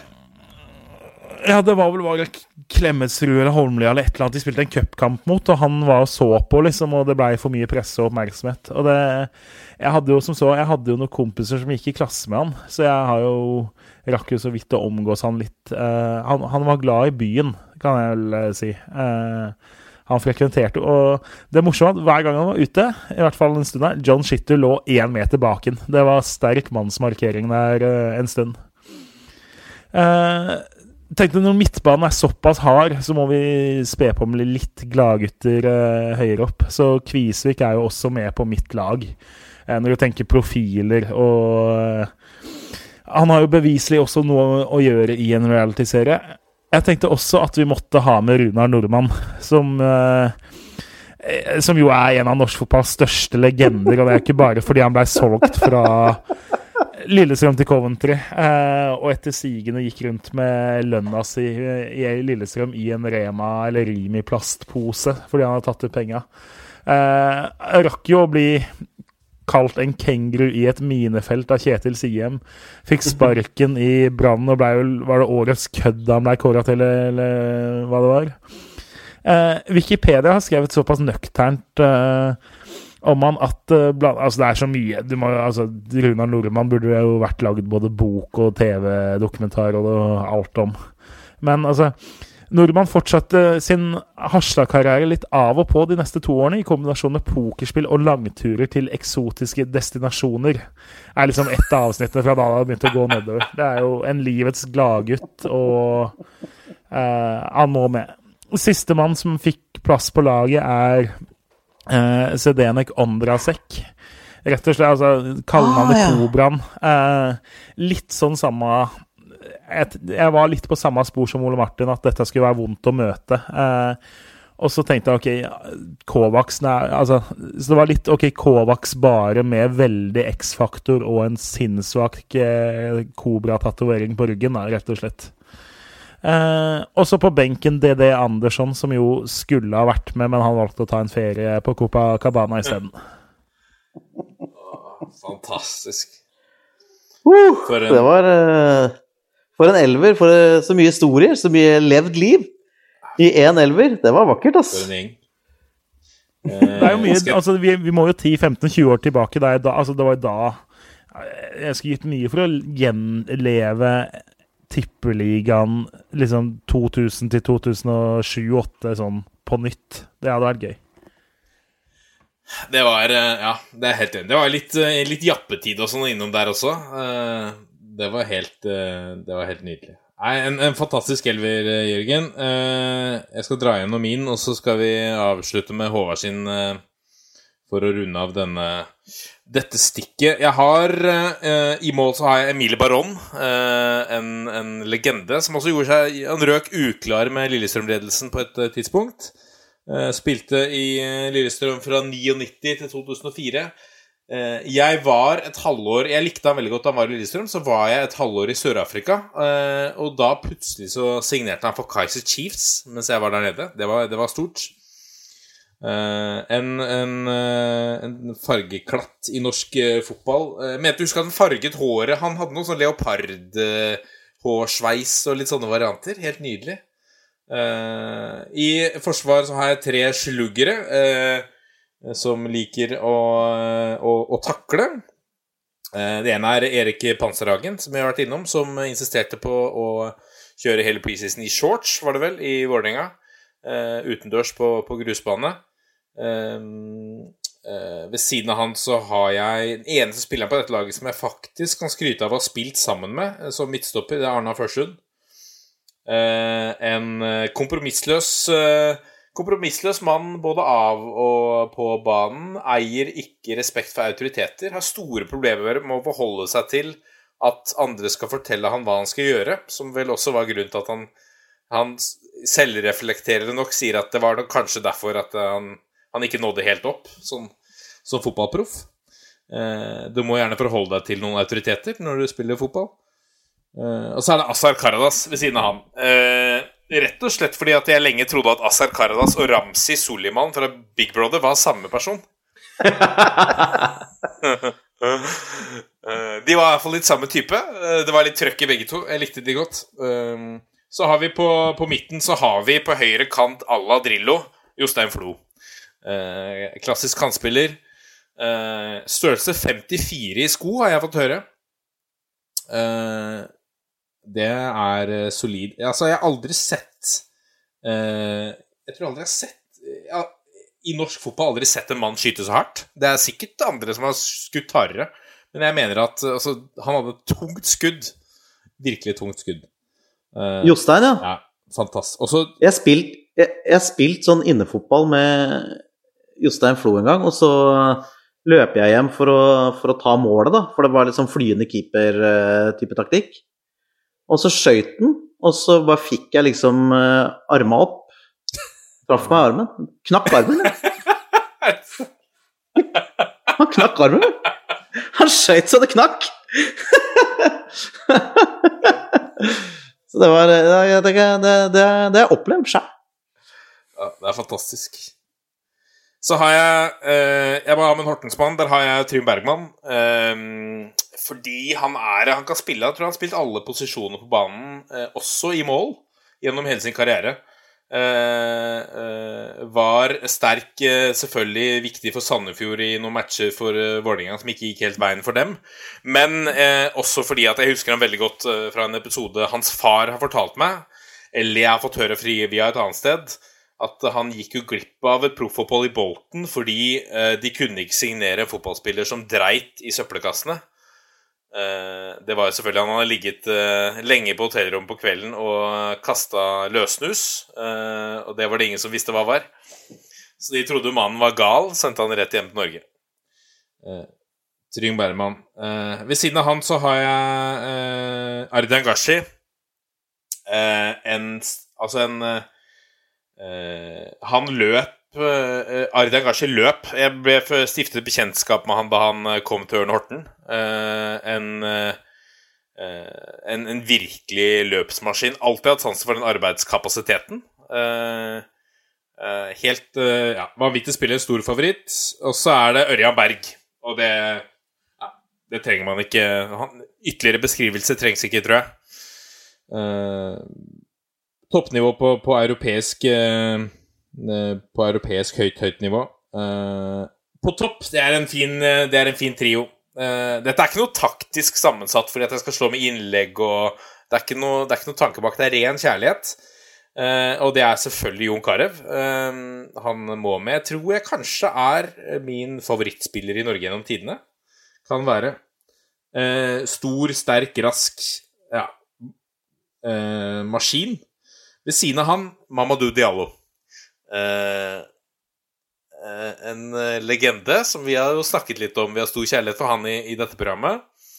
Eh, eh, toppet seg jo da han gikk til Lillestrøm-fansen og feira etter han scora for Vålinga, for han var jo leid ut. Ville feire med sine egne. Eh, en, en, en fantastisk eh, fotballspiller. Ved siden av han, eh, også selvskreven, en av mine egentlig favoritter, og det er litt Det er egentlig nesten litt rart, men, men jeg har alltid hatt en fascinasjon og kjærlighet for Markus Pedersen. Eh, fordi han har, apropos signalspillere, han har et trøkk og et sånt øverste nivå. Når han virkelig kan Når han trøkker til. Du så det i sånne kamper som betyr mye for han å spille mot, som mot Vålerenga, mot Brann. Altså, han er et helvete å spille imot. Eh, eh, og gjorde det alltid bra i sånne kamper. Jeg elsket spillere som liksom nesten kunne revet skjorta i to, bare fordi de er så gira. Um, så eh, det er en mann jeg gjerne skulle sett litt mer på topp for Norge. Det er synd.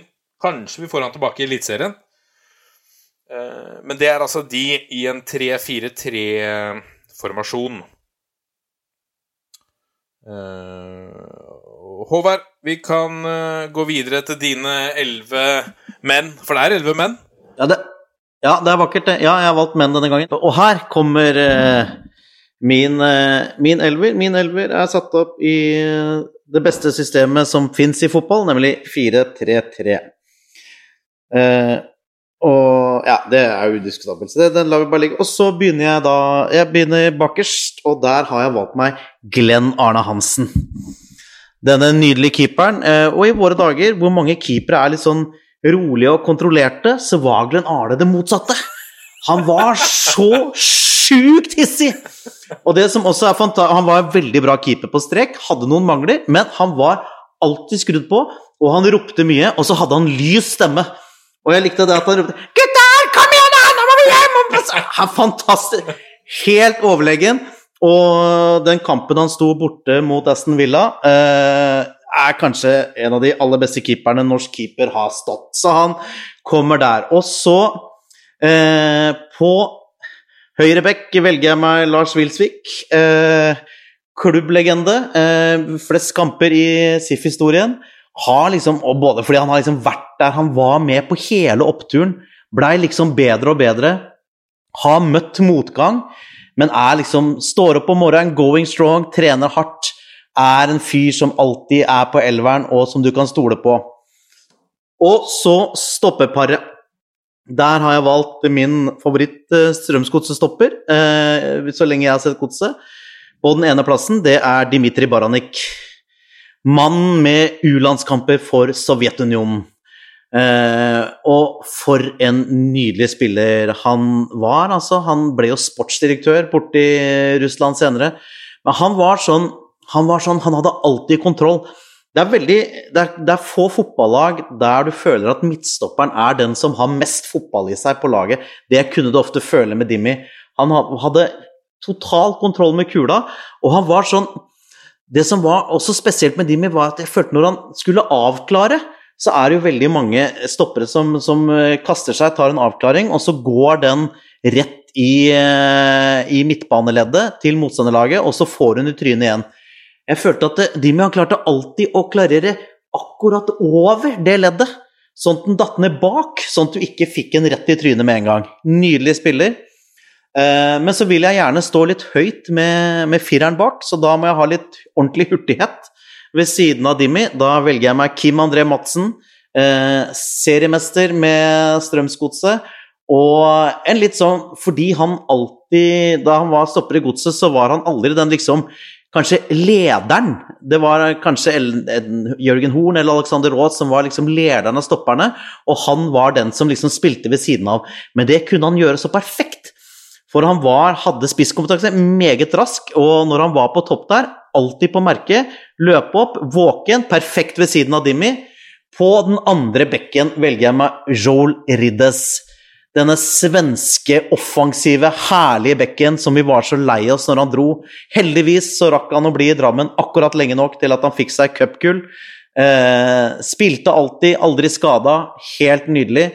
Skåra ingen mål. Hadde noe assist. Hadde assist i cupfinalen til og med. Han likte jeg spesielt godt. Stort hjerte, han er med. På Def Mitt, Stefan Johansen. Blir, Eh. det, det blir elleve SIF-spillere, dette. Det er bare Strømsgodset Ja. så langt. Ja, men det er jo Jeg har jo rett til det. Ja, ja, ja. er, jeg, er jo, jeg er jo Heather Locklear. Altså, jeg kan gjøre hva jeg vil. Eh, det, er, det er min gave. Eh, og Stefan var jo vår kanskje viktigste enkeltspiller i 2013, da vi tok gullet. Eh, kom som vrakgods fra Bodø-Glimt. Vi betalte i dyre dommer for Anders Konradsen, og så kom det en litt chubby fyr ned sammen med Konradsen. Det var Stefan Johansen. Ingen visste hvem han var. Det var få som hadde trua på han, og hvordan han liksom tok nivået. Han debuterte jo som back, før han da vokste inn i denne Def Midt-rollen som en eh, helt herlig spiller. Og en litt sånn annen spiller enn han framstår i dag, fordi at den gangen han hadde den derre måten han slo pasninger med venstrebeinet på denne sesongen, så jeg var helt overlegen. Og også en sånn spiller som evner å ta det derre Hvis det butter litt imot, så tar Stefan et gult fordi det trengs. Han, eh, han har en veldig spesiell plass i hjertet mitt. Og så må jeg selvfølgelig ha med eh, Osman Nyan der. Den perlen av en spiller, altså. Så helt nydelig, og var på vei mot proffeventyret i eh, i Panathinaikos etter å ha gjort det fantastisk i SIF, blant 97-sesongen, ikke sant, som ble, ble bronse der.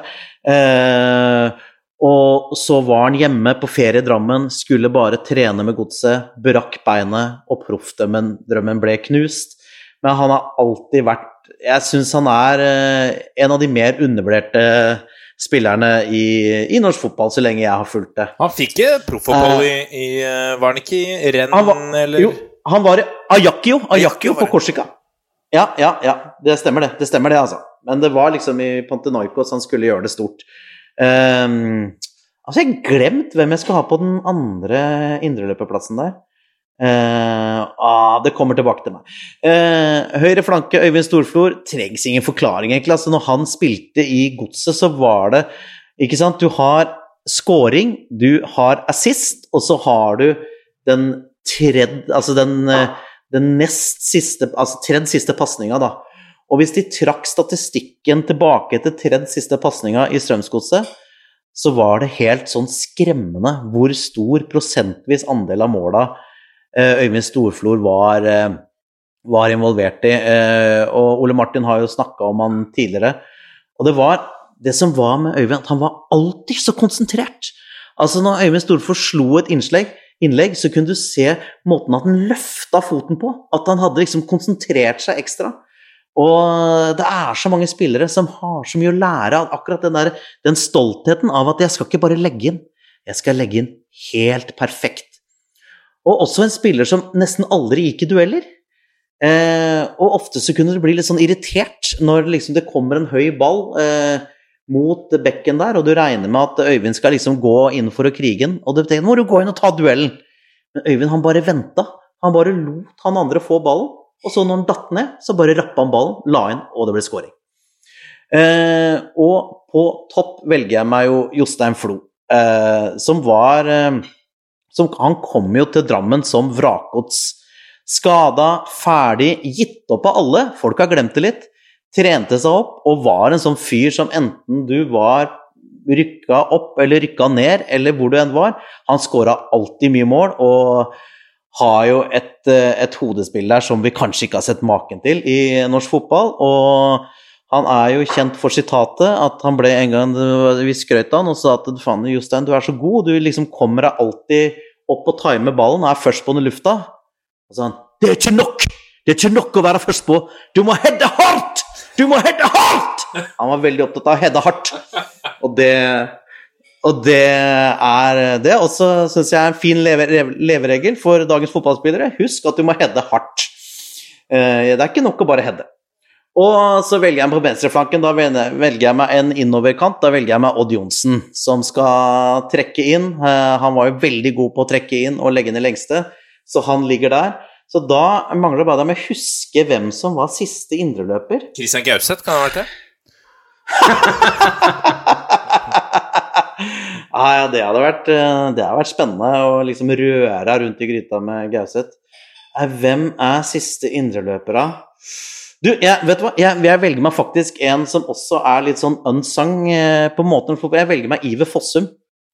Eh, fordi han var Jeg syns han var kjempegod i, i Strømsgodset. Han var Altså, det var den, det året der Det var vel eh, det var vel den store høsten til BP, det, når vi bare vant og vant og hadde en helt utrolig rekke der. Da hadde vi han franske bekken, Florin Hanin, og så hadde vi eh, Iver der som indreløper, og så hadde vi han Gustav Vikheim som wing. Og med de tre på venstresida så var det alltid, vi hadde alltid én ekstra spiller. Hver, hver overgang så var vi én i overtall, fordi at Iver var alltid med på alt. Så der har du elveren min. Takk skal du ha. Vakkert. Vakkert. For en spalte. Mm. For en spalte. Eller er ikke en spalte. For et stikk Ja, det- heter det kanskje. Hva ja. heter det, Håvard? Hæ? Hva heter det? Det er jo ikke en spalte på mange måter. Det var en slags eh, en post, var det kanskje, i, i programmet. Det. Jeg tror, vi, jeg tror vi kaller det innhold for svært spesielt interesserte. tror jeg vi kaller det. Uten tvil. Eventyr. Uten tvil. Dette er toppfotball. Og så har vi fått et par lyttspørsmål. Vi skal ta noen av de på, uh, på eh, tampen her. Uh, begynner å bli seint. Begynner å bli seint for oss. Uh, Peter Ødemark stiller spørsmålet Han husker ikke om det er tatt opp før, men kan dere ta en liten minnestund om fotballspesial på NRK2? Det var hans foretrukne måte å følge fotballrunden på om han ikke var på stadion. Håvard, han har, han har lagt med et klipp her av deg hvor det står det er et bilde av deg, og så står det Ja. det gikk helt over styr for programleder Håvard Lilleheie. Da han åpnet for SMS-meldinger fra seerne under premieren på Fotballspesial. Når var det Håvard? Ja, det Hæ? Når Å, var herregud, dette? dette er tidlig, tidlig, tidlig 2000-tall. Det er et helt annet liv. Uh, er jeg samme mann som jeg var den gangen? Jeg tror jeg er det. det var, du, jeg skal ta det veldig kjapt. Altså, dette her handla jo om eh, at de eh, vi, skulle jo ha dette fotballspesialprogrammet, da, og jeg skulle være en slags klovn eh, i studio. Og, eller ikke klovn, jeg skulle jo følge runden, da, og så skulle jeg da sette over til de forskjellige radiosportreporterne som var på kampene. Eh, og så hadde jeg et slags sånn lite kamera som jeg skrudde fast i en søyle eh, i NRK-sporten. Jeg merker jeg var, jeg var veldig sånn uglesett i det lokalet blant de ordentlige sportsjournalistene. De syntes ikke noe om at jeg var der, husker jeg. Eh, og så eh, var det da at VG hadde på den tida en sånn kåring av Norges mest sexy fotballspiller, med bl.a. Eh, Mia Gundersen i juryen. Um, og jeg reagerte på det, uh, fordi jeg har, er av den opplevelsen, som denne spalten faktisk også underskriver, som vi akkurat har gått gjennom, at når det er uh, oktober-novemberkvelder, det er kaldt og det blåser, og du skal enten sikre en plass uh, i topp tre, eller du skal overleve, så er det han stygge midtstopperen som stikker fram huet akkurat når du trenger det, og krigeren inn. Og derfor ville jeg da kåre Norges styggeste fotballspiller. eh, og, men dette her var i det som vi kaller for SMS-TV sin barndom. Eh, og da jeg åpna for at, eh, at seerne skulle sende melding med forslag på hvem som var Norges styggeste fotballspiller, så hadde ikke alle liksom forstått mitt premiss. Eh, så, så det ble mye stygge meldinger, og jeg sto i en mediestorm, og det endte med VG-forside og terningkast 1. Så det er, det er fint at noen husker det med glede så mange år. Er dette et sånt uh, tilfelle fra karrieren din nå, hvor du tenker det, der burde jeg kanskje gjort noe annerledes? Ja, altså jeg kan jo skylde på andre. De burde jo moderert de meldingene. Syns du ikke det, Lasse? At det var egentlig så var det jo en systemfeil. Ja, nei, du, det var eh, Jeg skal Jeg, jeg steker henda i været der. Eh, Jeg legger meg langflat eh, for det som skjedde. Det var jo Christer Basma som ble kåra til Norges styggeste fotballspiller den gangen. Og det var en medieskandale. Heldigvis eh, så fikk jeg senere anledning til å møte Christer Basma i en bar. Eh, Jeg gikk bort, jeg sa unnskyld, vi drakk øl og hadde en kjempefin kveld. Fantastisk. Nei, det er vakkert, rett og slett. Uh... eh, jeg tror vi nøyer oss med et spørsmål til, og så eh, kaller vi det en dag. Eh, vi tar to. Eh, Benjamin Sears lurer på hvor ofte hender, dere, hender det at dere må klippe bort noe som har blitt sagt, og, har vært til at, og hva har vært grunnene til at det har blitt klippet bort? Eh, det Det må vel du svarer svare på? ja, det er vel, har vel vært i all hovedsak det. Vi har hatt et par gjester som i etterkant har sendt noen meldinger og sagt at den La Manga-historien, kan du være snill å ta bort den? Eh, Vi- Når får vi Toppfotball og manga usensurert-episoden? oh. det tror jeg ja, Jeg lagret et eh, har lagret det på et, i en mappe som jeg kaller det bare for Se og Hør, som er eh, Om jeg skulle havne i pengeknipe, så har jeg alltid noe å falle tilbake på. Hva er sånn foreldelsesfristen i forhold til det at man kan, kan bli stilt eh, til domsforting? Er det, hvor mange år er det? Nei, jeg tror i paradisesammenhengene så er det vel eh, livet ut, tenker jeg. Eh, Ja, det er såpass godt. Ja. Det er vel et paradis som ikke egner seg. Eh, men de er jo Men det, vi liker jo det. At eh, folk, det er bedre at eh, folk som kommer i studio hos oss, heller drar på litt eh, og slipper ned skuldrene. Og så kan vi heller klippe det bort etterpå hvis det blir for ille. Eh, men vi har ikke gjort mye av det, skal sies. Så det meste Vi snakka jo til og med i tror jeg, ti minutter om lemmet til Jan Halvor Halvorsen, uten at det ble klippet bort. Det har vi viet tid til. Jan Halvor Halvorsen. Med han selv, selvfølgelig. Ja. Selvfølgelig. Det hadde faktisk vært veldig feil ellers. Det må jeg eh, Det er godt poeng. Men eh, nei, altså, ellers så er det vel 99% av det som klippes ut, er vel eh, programleder som er misfornøyd med egne introduksjoner til spalter, er det ikke det, Martin? Ja, der er det Altså, vi, vi har Vi er ikke i posisjon at vi har en manusforfatter. Så ting må tas på, på sparket eh, enkelte ganger, og da kan det gå feil. Um, men det jobber vi med, selvfølgelig. Så alle dere der ute på Westerdals eller på toppidrettsgymnas, ta kontakt. Eh, vi trenger gode skribenter. Eh, harde Du får ikke lønn, men du får, du får aksjer. Du får aksjer. Du får aksjer. I hvilket selskap, det sier vi ikke noe om. Nei. Men noen aksjer får du. Eh, harde mottak. Uh, stiller spørsmål så vi kan runde av eh, med. Eh, og det er Er dere en gjeng? Spørsmålstegn. Svar gjerne i kor. Eh, vi er Ja, skal vi si det i kor, eller eh, Ja, ja, ja, du må jo legge opp eh, jeg må legge det må opp, selvfølgelig. Men, men aller først, Håvard, hva er bakgrunnen for at du var den første som introduserte eh, den måten å slutte programmet på? Det var at vi sa vi var en gjeng. Hvor kommer det fra? Det er noe jeg stjal fra et sted. Jeg lurer på om det var eh, Kan det ha vært Lille Lørdag? Jeg tror det. Som, som hadde At de avslutta med 'Vi er en gjeng'. Eh, og som jeg syns liksom var, var veldig fint. Eh, og som jeg tenkte det gjør folk for lite. Og så tenkte jeg at dette programmet er, eller denne poden, som det heter, er såpass eh, rar og smal og for de spesielt interesserte at, eh, at vi er en gjeng, det, det er det dekning for. Ja, men da, da avslutter vi, da. På, eh, med å si at uh, vi er toppfotball i alle de kanalene du er vant til å høre. Eh, Zoome alle podkastkanaler osv., osv. Og, så videre, og så avslutter vi på 1, 2, 3. Vi er en gjeng. Ha det! Ha det. Dette er ørete og fint.